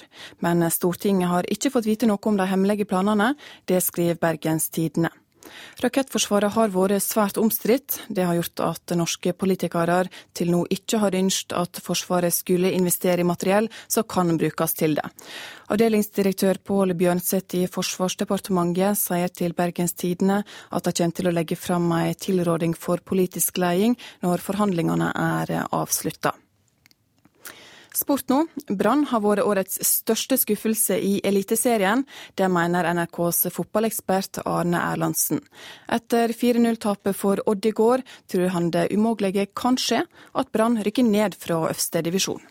Med bakgrunn i hva vi så imot Odd, så er det klart at eh, Brann i aller høyeste grad kan rykke ned. Nok et forsmedelig tap. Supporterne gråt over dårlige prestasjoner og en enda dårligere målforskjell. Rikard Norling gikk etter kampen bort til de gråtende tilreisende supporterne i et forsøk på å forklare seg. Hva skal jeg si? Når, når vi ikke vinner forlorer kampen, så uansett veivalg man gjør som trener, blir jo feil. Fra å ha lova Bergen gull før sesongen, lover han nå kun at de skal jobbe hardt de fem siste rundene. Føler du deg trygg på å redde plassen? Jeg, jeg kjenner meg trygg på at vi uh, kommer å fortsette å jobbe hardt. Det gjelder at vi er sterke sammen og, uh, og uh, fokuserer oss på neste kamp. Den her kan vi tross alt ikke gjøre så mye åt. Arne Erlandsen mener Brann er Eliteseriens største skuffelse i år. Det er klart prestasjonsmessig og poengmessig så er det Brann som er den største skuffelsen. De hadde sjøl forventa å ligge mye høyere, og det hadde jo det norske fotballpublikummet også. Ja, Det sa til slutt NRKs fotballekspert Arne Erlandsen. Reporter i dette innslaget var Tommy Barstein.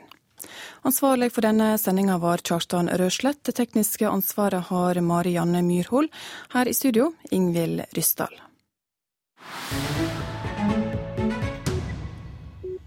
Klokka er 7.40 og Nyhetsmorgen fortsetter. Den arabiske våren tvang Jemens president til å gå av etter 33 år, men et par år etter det så er det fortsatt dramatiske etterspill. Sjiamuslimske opprørere har nå inntatt hovedstaden Sana. De er houthier fra nord, og reporter Raymond Lidahl har hengt seg på deres politiske seiersfest.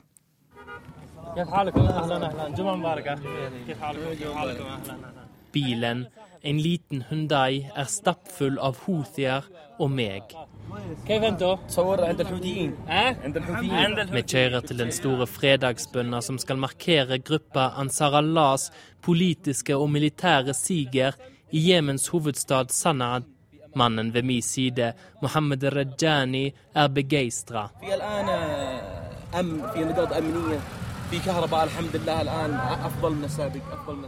Vi har tryggleik, vi har elektrisitet, og vannmangelen skal det òg bli ei ordning på hvis Gud vil, sier han. Og bensinprisene skal ned igjen, det har president Abdurabbu Mansour Hadi lova. Det var kutt i drivstoffsubsidiene som trigga demonstrasjonene som enda i en valdelig invasjon av hovedstaden. Houthi-aktivist Hussein el-Bukhaiti åpner døra til Ansar Allahs kontor i Sanaa. Han tror gruppa kan ta Jemen i rett retning. Um,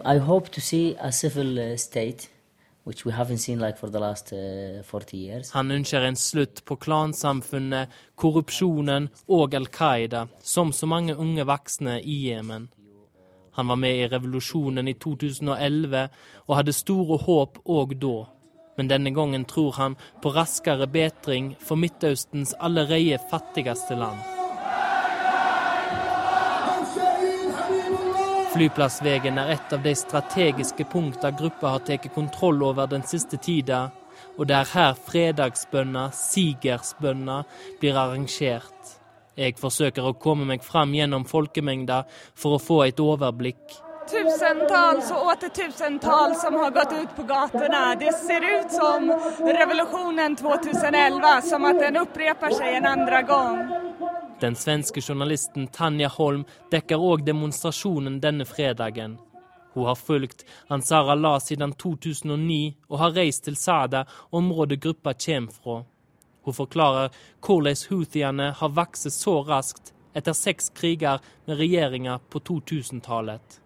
Ansar Allah taler inte om demokrati och mänskliga rättigheter, inte om den nya konstitutionen utan om priset på bensin och, och varför finns det ingen el? Varför ska folk behöva vara hungriga? Varför stiger priserna?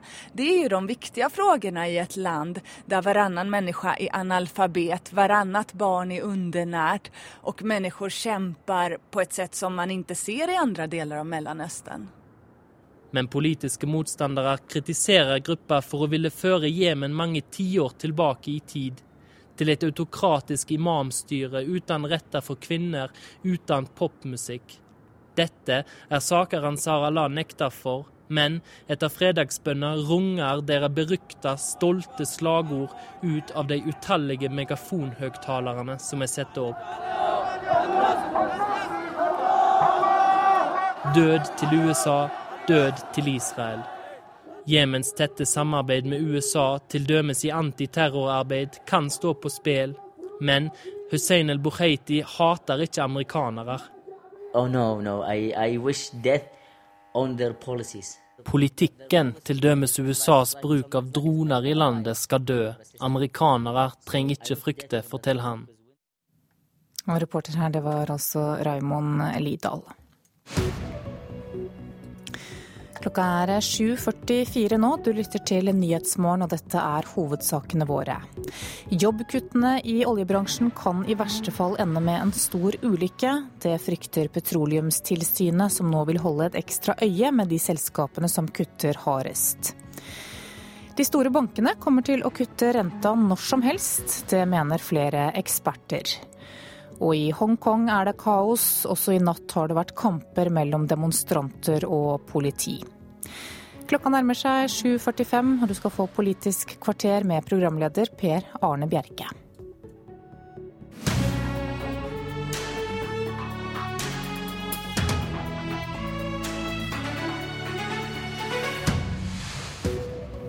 Snart D-dag for Oslo-OL. Byrådslederen ber partifellene i Høyre stemme ja, men vil Arbeiderpartiet hjelpe ham med å sikre flertall. Og nedgang i oljebransjen kan føre til økt arbeidsledighet og tøffe omstillinger i norsk økonomi.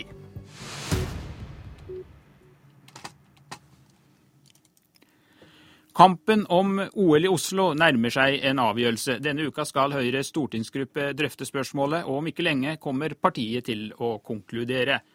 Og byrådsleder Stian Berger Røsland, hvor viktig er det for deg at dine partifeller i Høyre nå sier ja til OL? Det er ikke noe tvil om at uh, skulle Høyres stortingsgruppe si nei, så er det veldig vanskelig å se for seg hvordan dette skal, uh, skal kunne gå videre, og nær, nær sagt, uh, sagt umulig. Eh, fordi et sånt eh, løft som, eh, som, det her er snakk om, det krever jo selvfølgelig også at de store partiene, det politiske miljøet, er villige til å ta, ta løftet. Og da må, må, selvfølgelig Høyre være med for at det skal være mulig. Men jeg tror det er fullt mulig å se for seg at Høyre kommer til å lande på et ja, så det blir en spennende dager foran oss. Men nå er det jo da også nokså mye motstand rundt omkring mot dette prosjektet ditt. og Hvilke inntrykk gjør det på deg når ulike målinger viser at veldig mange ikke syns dette er noen god idé? Det er klart at det har jo vært en, en krevende debatt vi har, har hatt. Og vi, vi, har jo gått en, en ganske bratt, bratt, motbakke, og mye av det har vi sikkert skyld i, også selv. Samtidig så opplever jeg at de siste ukene så har det vært et, et lite skifte i, i, i, en, i, folket. Altså Det er flere som nå ønsker å diskutere med oss hvordan vi kan få det til.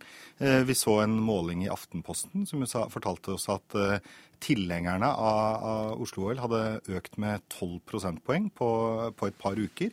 Eh, og jeg tror vi kommer til å se, se mer av det i, i, dagene og ukene som, som, kommer. Og jeg opplever også det når vi er ute og snakker med folk, at man, at man har lyst til å være med på å diskutere hva vi kan, hva vi kan oppnå, hva vi kan uh, gjøre sammen. Eh, ikke bare dette ja- og nei-spørsmålet.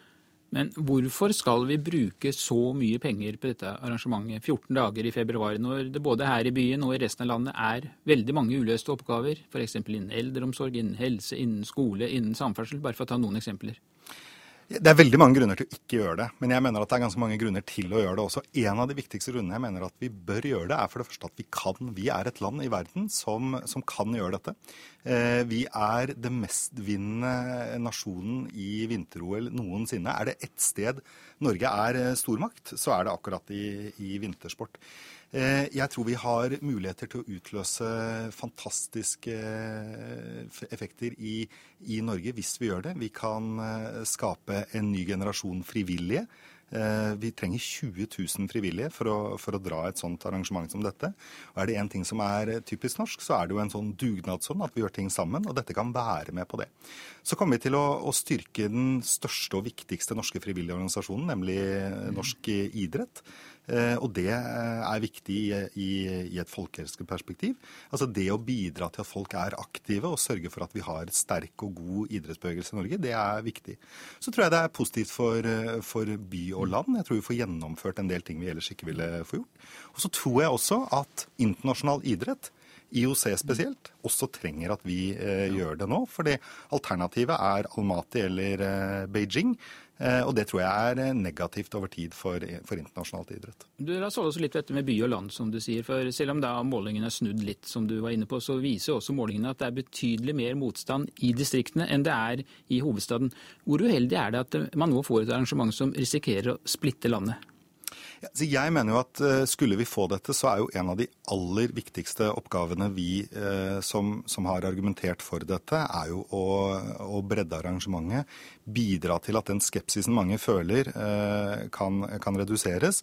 Og så er det også, tror jeg, viktig at vi i Oslo tar på alvor den, den, uroen en del føler om at nå skal, skal disse Oslo-folkene få dette også.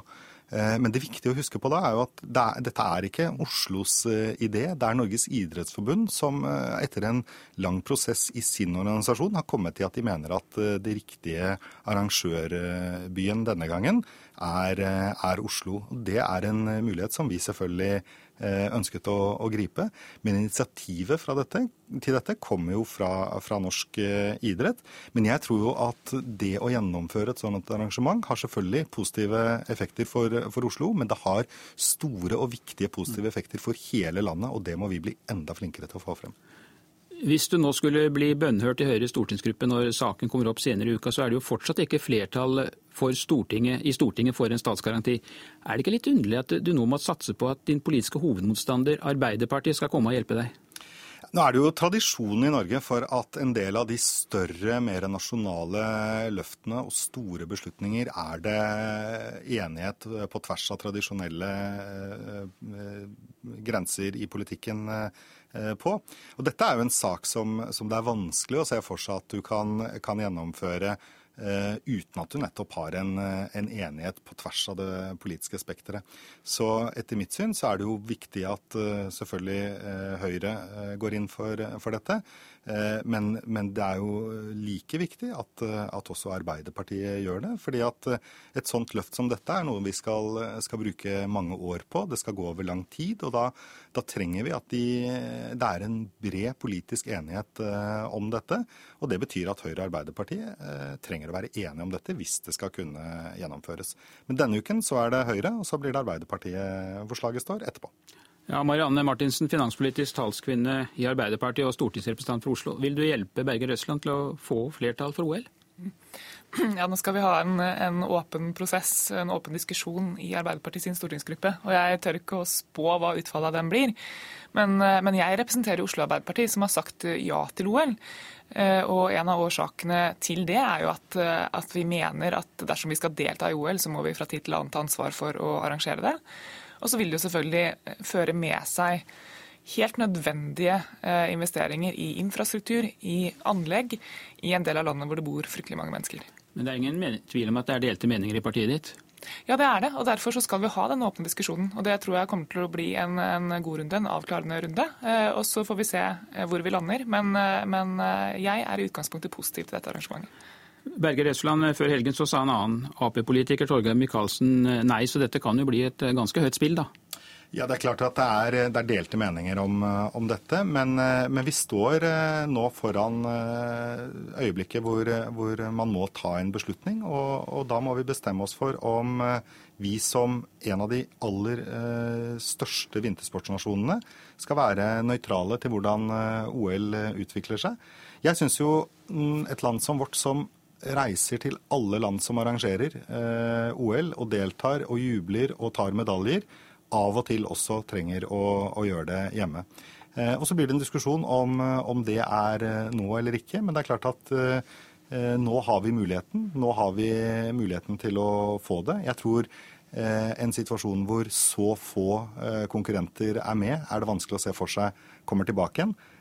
Så hvis vi vil, så er muligheten til stede, og muligheten er nå. Takk skal du ha, byrådsleder Stian Berger Røsland.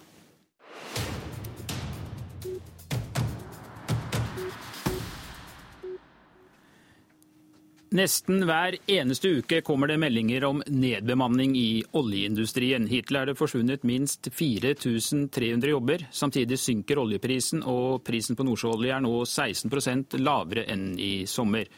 Sjefanalytiker Erik Bruse i Nordea Markets, hvordan vil norsk økonomi merke de endringene som nå skjer i oljebransjen? Det er ganske mange bedrifter i Norge som har vært vant til et voksende marked, eh, som leverer til oljesektoren, investeringsvarer, eh, tjenester, som nå eh, kommer til å oppleve et marked i fall. Oljeselskapene planlegger for 15% lavere investeringer neste år. Det er mange industribedrifter som da, da får et fallende marked og, og må omstille seg til nye markeder, kanskje si opp folk. Hva får dette å si for arbeidsledigheten? Jeg tror vi må regne med høyere arbeidsledighet. Ehm, det, vi går inn i en periode hvor eh, bedriftene må si opp folk. Eh, de vil bruke en del tid på å finne nye arbeidsplasser. Eh, I den perioden må vi regne med en, en del høyere arbeidsledighet enn, enn vi, har, vi, har, hatt de siste årene, tror jeg. Nå er det bare en uke til vi får statsbudsjettet. Hvilke krav stiller dette oss overfor når det gjelder å omstille økonomien til å være mindre oljeavhengig? Jeg tror vi må ha litt is i magen her. Vi må regne med nå en periode hvor, eh, hvor, det kan være litt økende arbeidsledighet, hvor folk vil bruke litt tid på å finne nye jobber. Bedriftene skal finne nye markeder. Så det er viktig her å ikke pøse på med offentlige penger for å for liksom kompensere for dette. Iallfall se an litt utviklingen. Eh, for det som er viktig nå for norske bedrifter, det er at vi har hatt veldig høy kostnadsvekst, lønnsvekst i mange år eh, pga. Eh, oppgangen i oljenæringen. Nå skal vi inn i en periode med, hvor vi skal ha lavere lønnskostnadsvekst, eh, mer på linje med handelspartnerne. Marianne Martinsen, du er med oss fortsatt, eh, finanspolitisk talskvinne i Arbeiderpartiet. Hvor alvorlig er det som nå skjer i oljebransjen? Så det er jo først og fremst veldig alvorlig for de mange menneskene som mister jobben sin. Og så er jo spørsmålet om dette er starten på en si, tyngre, mer langvarig eh, trend. Og det er det jo ting som kan tyde på. Eh, vi vet at det er spådd vesentlig lavere investeringer på sokkelen i, i åra som kommer. Nå kommer det noen store utbygginger som ikke er regna inn, men allikevel. Eh, vi har sett at kostnadsnivået er høyt, og det har gjort at store kontrakter har gått vesentlig til Sør-Korea de siste, de siste åra. Og jeg tror ikke det er noen grunn til å tro at norsk leverandørindustri f.eks. kommer til å operere med et helt annet kostnadsnivå i åra som kommer. Eh, så Det betyr jo at vi blir stilt overfor noen krav som politikere til hvordan dette skal håndteres. Eh, fordi at dette kommer til å kreve at vi starter en omstilling at alle disse menneskene, som stort sett er mennesker med ganske høy teknologisk eh, kompetanse, kommer inn i annet produktivt arbeid. Og Noe av det vi var veldig opptatt av gjennom vår regjeringsperiode, det var jo hele tiden sørge for at vi hadde flere bein å stå på. At den store aktivitetsveksten vi så i oljeindustrien, ikke skulle føre til en utradering av, landbasert industri. Der kom jo oljepengebruk f.eks. vesentlig inn. Erik Bruse, er det starten på en mer langvarig trend der oljen ikke lenger kommer til å være så dominerende når det gjelder norsk økonomi?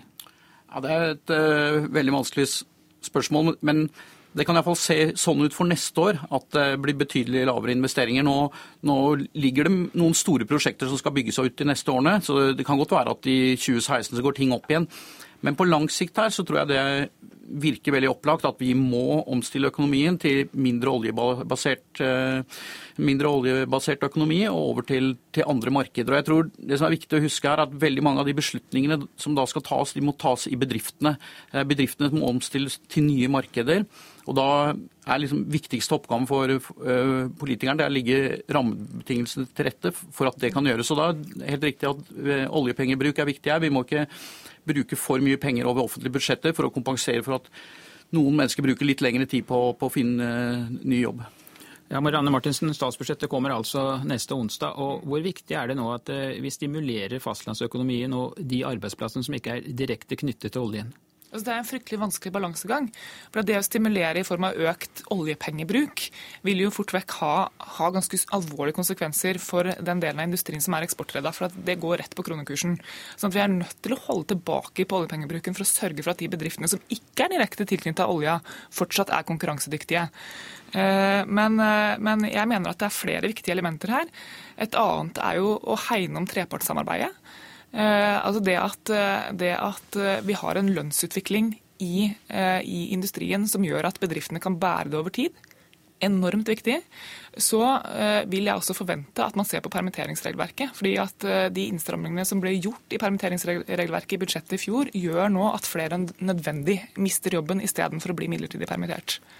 Eh, Bruse, kan du si litt om hva dette nå fallet som vi også har sett i oljeprisen betyr for lønnsomheten i Nordsjøen? Det er jo en del felt der som jo har basert seg på ganske høy oljepris for at det skal være lønnsomme? Absolutt. Eh, oljeprisen har falt en del i det siste. Kommet en del mer olje ut på markedene og litt svakere etterspørsel. Eh, på dagens pris så tror jeg fortsatt mange av feltene vil være lønnsomme, men, men det som er Problemet er at det blir færre nye felt som blir lønnsomme å bygge ut. og Det å bygge ut nye felt det, det er et viktig marked for norsk industri. Eh, så Fallende oljepris og litt lav, eh, det vil bety at det blir mindre å gjøre for en god del industribedrifter og, og andre bedrifter på, på fastlandet. Så, så, det er alvorlig.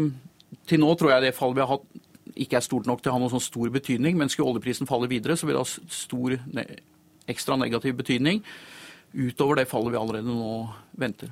Marianne Martinsen, dere har jo sittet med makten gjennom store deler av oljealderen. Har vi gjort oss for avhengig av oljen?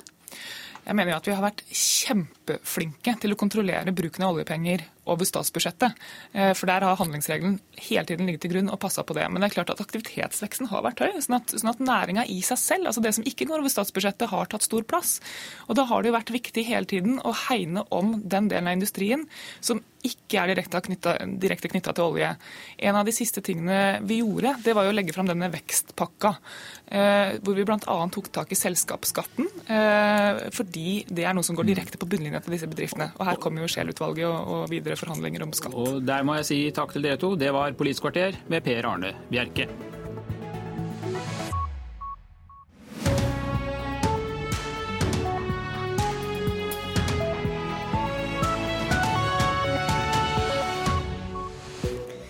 Klokka er altså 8.30 og Nyhetsmorgen fortsetter med disse sakene. Demonstrantene i Hongkong nekter å gi seg. Også i natt har det vært kamper i gatene, og skoler, banker og butikker er stengt. Familien til kvinnen som døde ved Breviksbrua i august i fjor, er ikke så opptatt av hva slags straff den tidligere politimannen blir idømt, ifølge bistandsadvokaten. Om en halv time kommer dommen. Og de store bankene kommer til å kutte renta når som helst, det mener flere eksperter. I Hongkong krever demonstrantene nå at regjeringen går av. Opprørspolitiet har trukket seg fra gatene, men demonstrantene nekter å gi seg. Plutselig smeller det, og det er politifolk med hjelmer og gassmasker som skyter tåregass inn i mengden av demonstranter som flykter i panikk. Det er kaotisk i Hongkong bare timer før en av verdens store finanssentra åpner for business. Wow, uh, mange roper slagord om at de ønsker demokratiske rettigheter, og det er akkurat det vi krever, sier Chang Kin-man, som er en av de mange som står bak de store demonstrasjonene de siste dagene. Den hvite røyken av tåregass som driver mellom de høye kontorblokkene og shoppingsentrene i Hongkong, er et tydelig tegn på alle problemene Kinas kommunistparti har med å holde de sju millioner menneskene i den gamle britiske kolonien i ørene. Nå er tiden inne for å be regjeringen trekke seg, sier demonstrantenes leder. Kinas brutale framferd under opprøret på Tiananmen-plassen i 1989 sendte sjokkbølger over en hel verden. Jeg ber folk som stenger gatene om å forlate området fredelig så fort som mulig, for ikke å ødelegge for trafikken og for dagliglivet, sier Hongkongs regjeringssjef Leung Chung-ying. Men det ser ikke ut til å skremme alle de som har satt seg ned i gatene i morgentimen i dag. De har tatt med seg store vanndunker og ser ut til å ruste seg for en lang kamp. Jeg blir nok arrestert og fengslet i løpet av de neste dagene, sier demokratiforkjemper Chan Kina. Reporter her, det var Øyvind eh, Nyborg. Vi skal direkte til Hongkong nå. Tine Venås fra Bærum, du studerer journalistikk og bor i Hongkong og har vært tett på de store demonstrasjonene og kampene i gatene. Hvordan er det å være der akkurat nå? Det er en veldig merkelig stemning, hvor du på den ene siden har veldig kraftige demonstrasjoner i enkelte områder, og samtidig kan du gå eh, ett eller to trikkstopp unna, og så er det nesten ikke merkbart i det hele tatt. Men det er, det er veldig mye som skjer på skolemenn. Um, veldig mye Studentorganisasjonene har, står og samler inn mat, de samler inn vann. Hongkong er kjempevarmt fortsatt. Det er 30 grader og, og en enorm fuktighet. Uh, og, um, og, det henger plakater overalt på skolen hvor det står 'brått timer, uh, kjent på landet ditt'. Um, veldig mye sånn tegninger av, av men, mennesker med bind på munn og bind på øynene. Um, og, og, folk er generelt bekymret for hva som er det neste skrittet videre. altså Hvordan man skal kunne få komme seg ut av situasjonen.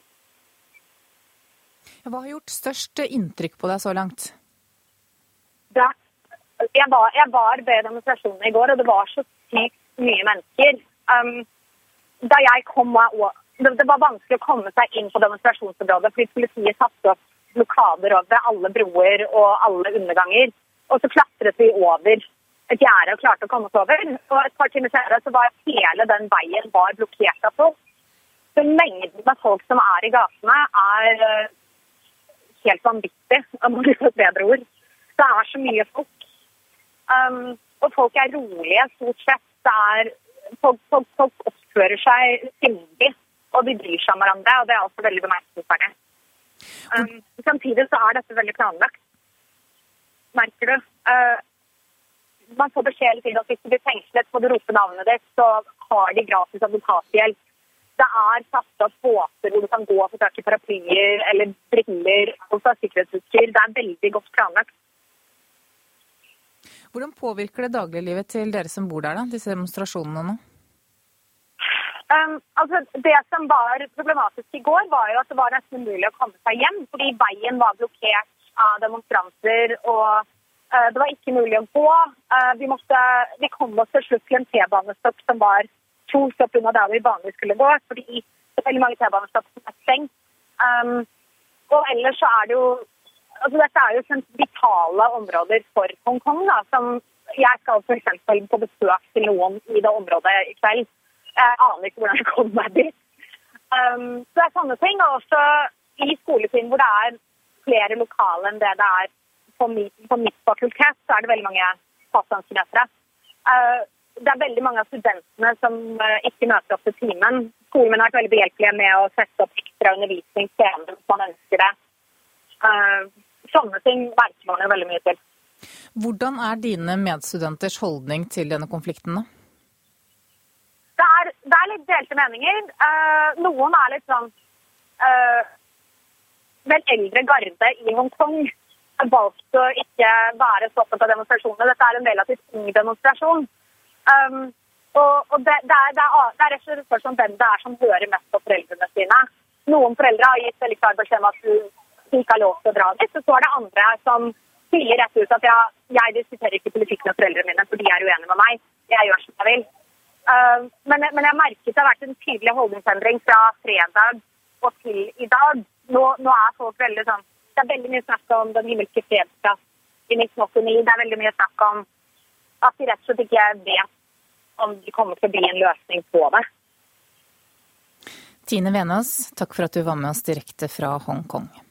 Thank you.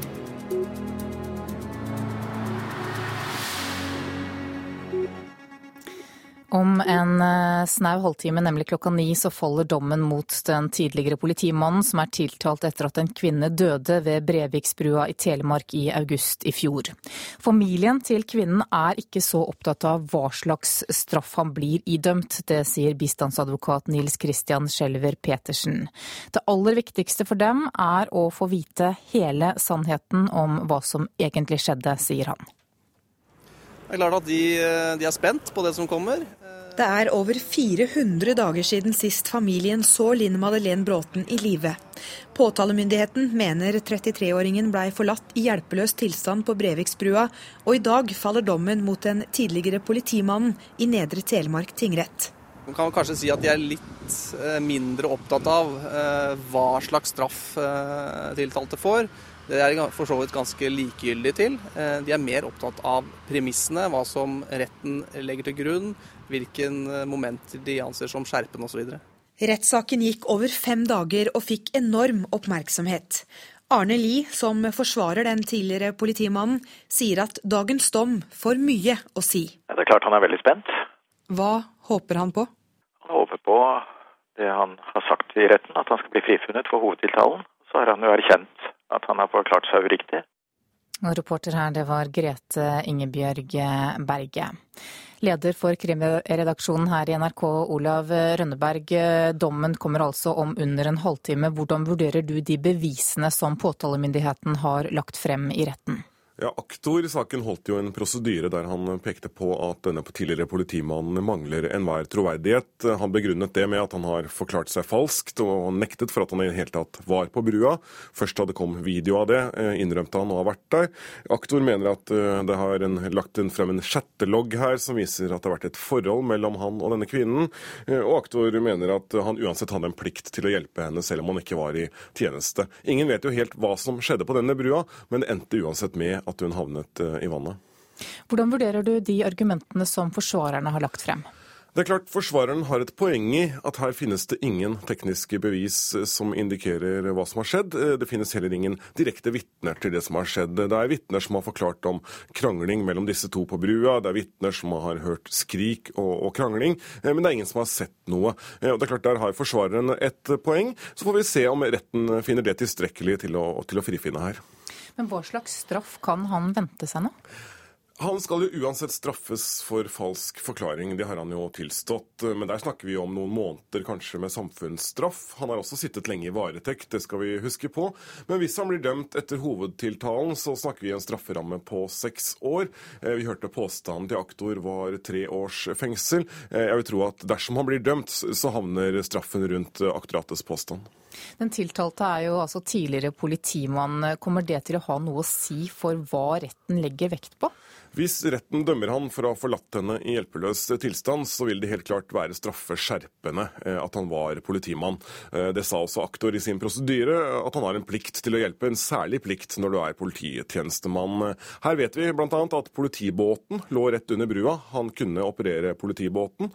Eh, det valgte han å ikke gjøre. Han valgte å ikke varsle om at hun havnet i vannet. Så det er klart skjerpende omstendigheter her dersom retten dømmer han på det punktet.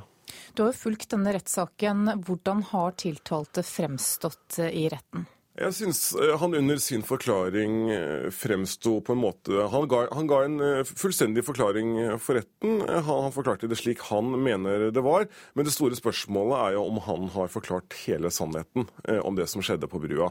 Når man hører alle vitnene, alle de andre bevisene i saken, så kan man stille seg spørsmålet om han vet mer enn det han vil ut med. Og det er vel det også de pårørende mener her. De skulle ønske de fikk flere svar. Jeg er usikker på om vi får de svarene av den tiltalte, men, men det kan nok være at han eh, vet mer. Og dommen kommer altså klokka ni. De store bankene kommer til å kutte renta når som helst, det mener flere eksperter. Flere mindre banker har allerede senket boliglånsrenten, og på gata i Tromsø så er det flere som gjerne vil ha enda billigere lån. Det må jo være veldig bra, hvis renta kuttes ned. Nei, det kan jo gjerne være lavere. Og lavere vil nok rentene bli påpeker kredittekspert Pål Ringholm i Svedbank. Det har eh, skjedd allerede. Tilstrekkelig mange har skjenka renta. Det begynte med Sparebanken Telemark, og så har flere kommet etter. Så nå sitter jeg egentlig og venter på den, den siste ketsjup-effekten her. Og når de siste kommer etter, altså de store, så kommer de samtidig. Denne ketsjup-effekten så vi sist 3. april, da Skandiabanken, DNB og Nordea alle kuttet boliglånsrentene med få timers mellomrom. Årsaken til at vi nå er inne i en ny rentekuttrunde, er at bankene tjener svært godt på folks boliglån. Historisk så har ikke renta hvis vi ser på de såkalte lange rentene, vært eh, særlig lavere de siste 500 årene. Så jeg vil påstå det, det her er relativt billig. Sånn veldig forenkla kan vi si det at um, hvis bankene skal låne deg et lån med flytende rente, så koster det dem, altså bankene, to prosentpoeng i året å låne inn de pengene. Det er tilstrekkelig mange banker som er fornøyd med å tjene ca. 1 prosentpoeng eller noe rundt det til kundene. Og Det betyr at renta er oppnåelig. Det er oppnåelig for et boliglån rundt 3 etter hvert nå. Reportere her var Sindre Heierdal og Sigve Kvellestad.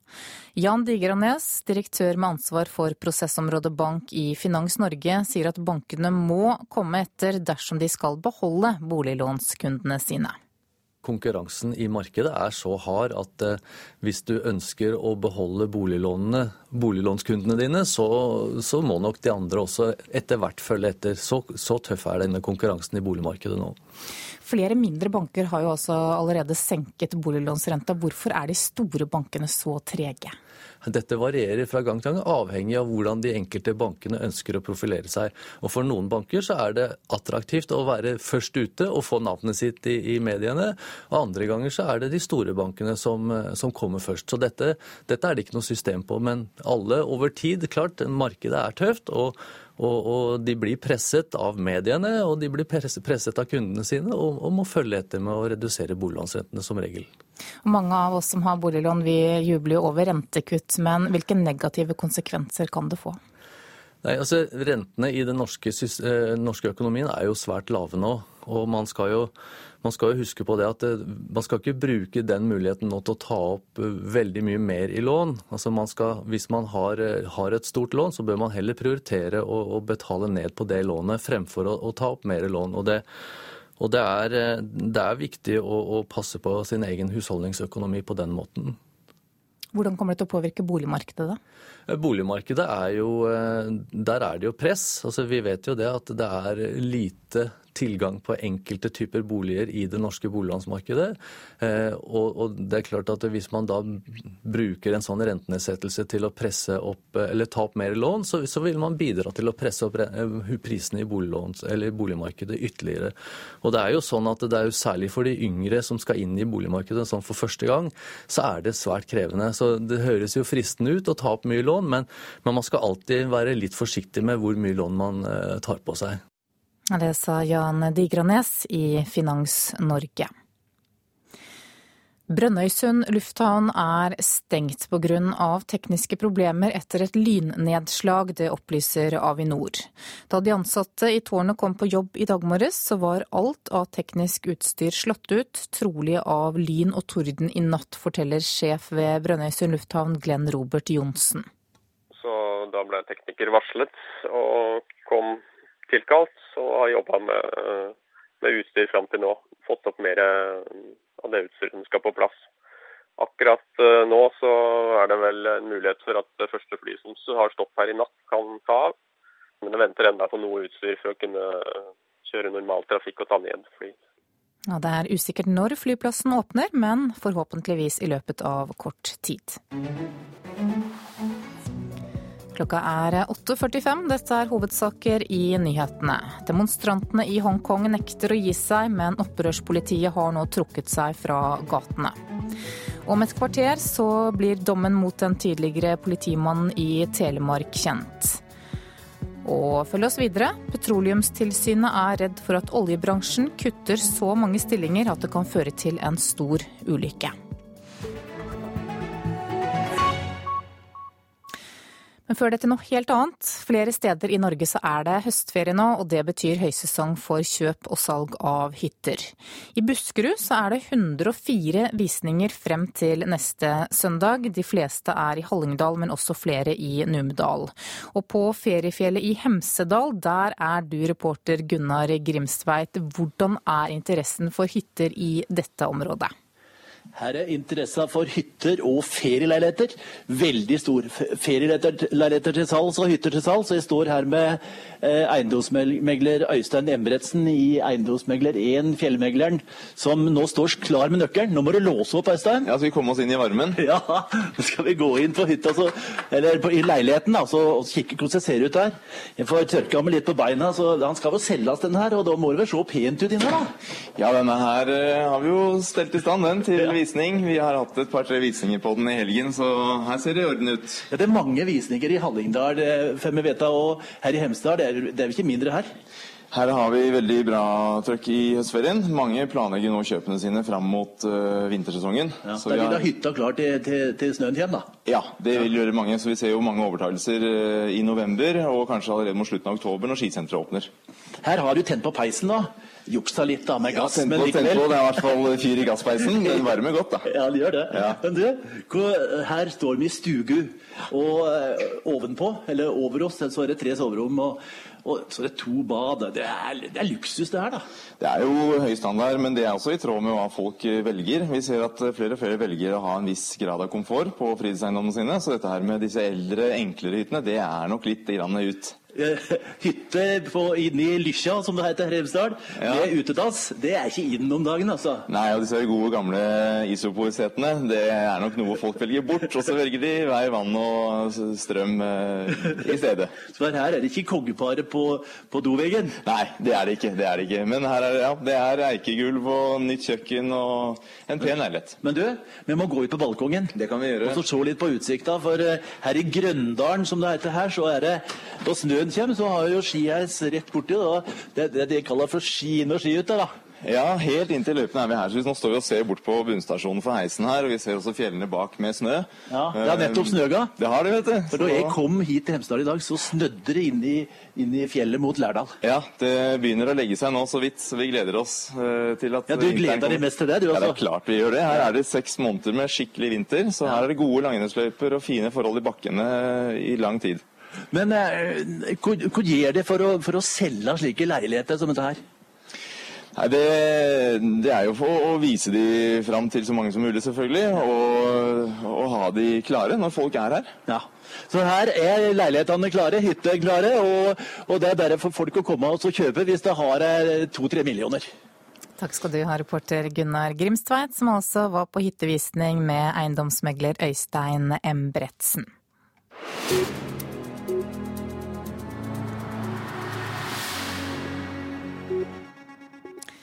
Jobbkuttene i oljebransjen kan i verste fall ende med en stor ulykke. Det frykter Petroleumstilsynet, som nå vil holde et ekstra øye med de selskapene som kutter hardest. Tilsynet mener at oljeselskapene allerede ligger langt etter med vedlikehold på plattformene.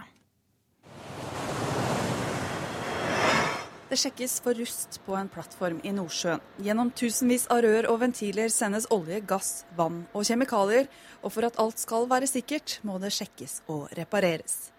Men de siste tiders jobbkutt i oljeindustrien rammer nettopp de som gjør denne jobben. Jeg er bekymra for at man ikke skal forstå konsekvensene av de kuttene man gjør. Eh, og da snakker vi om konsekvenser både på kort sikt, men ikke minst på lang sikt. Anne Myhrvold er direktør i Petroleumstilsynet. De sitter med en oversikt over hvor mye vedlikehold som mangler på norske plattformer, og det er mye.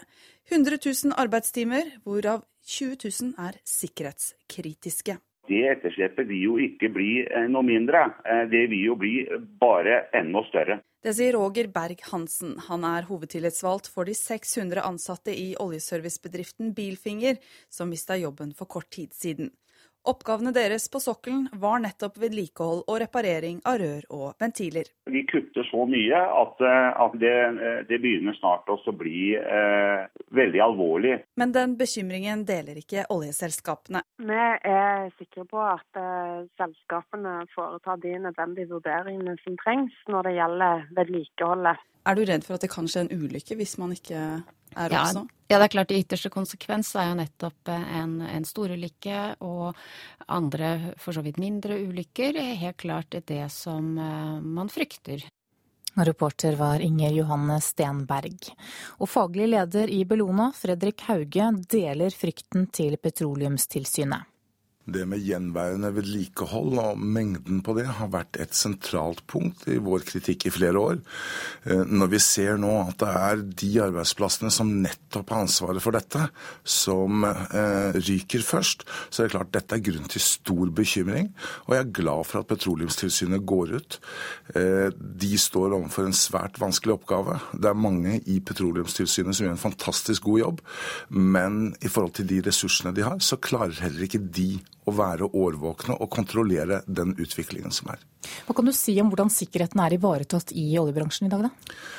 Det er klart at Vi har sett eh, eksempler på nær storulykker eh, ikke har gått ned i det hele tatt. Og vi ser også at det ikke er et forbedringstakt i arbeidet i oljeindustrien. Så vi er svært bekymret. Mange av installasjonene er i med å bli veldig gamle.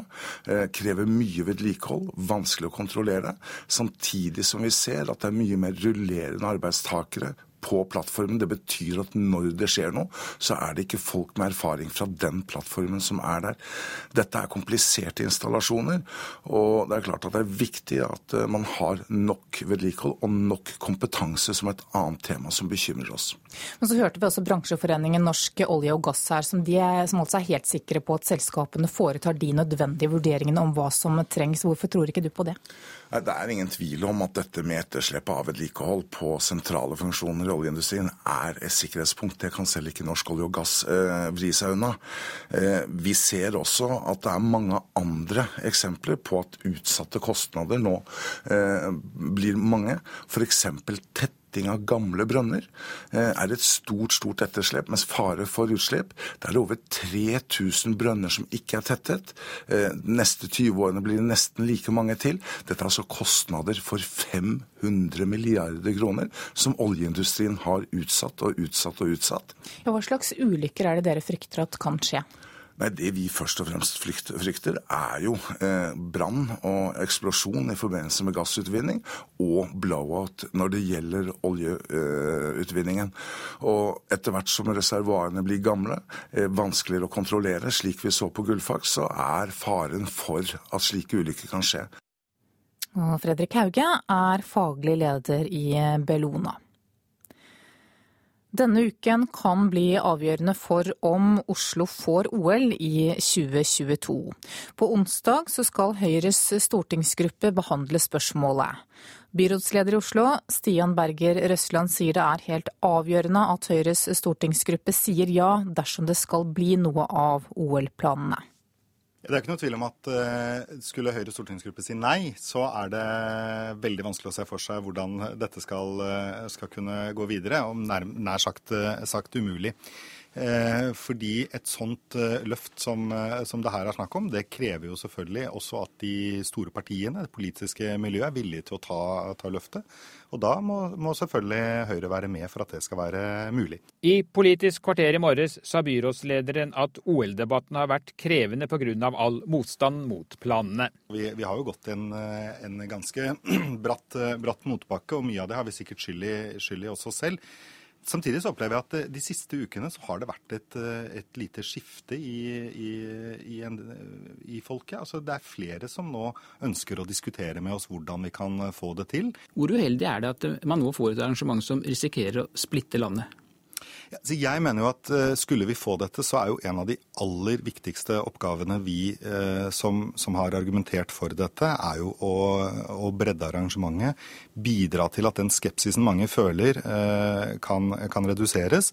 Og så er det også, tror jeg, viktig at vi i Oslo tar på alvor den, den, uroen en del føler om at nå skal, skal disse oslofolkene få dette også. Eh, men det viktige å huske på da er jo at det er, dette er ikke Oslos eh, idé. Det er Norges idrettsforbund som eh, etter en lang prosess i sin organisasjon har kommet til at de mener at det riktige arrangørbyen denne gangen er, er Oslo. Selv om Høyre sier ja til OL, er ikke det nok til å sikre flertall. Også Arbeiderpartiet må stille seg bak hvis det skal bli noen statsgaranti. I partiet er meningene delte. Før helgen sa partiets helsepolitiske talsmann Torgeir Micaelsen nei til OL, mens Arbeiderpartiets finanspolitiske talskvinne Marianne Martinsen i morges sa at hun vil stemme for OL, uten at hun tør å spå hvilket standpunkt partiet til slutt ender med. Men, eh, men, jeg representerer Oslo Arbeiderparti, som har sagt eh, ja til OL.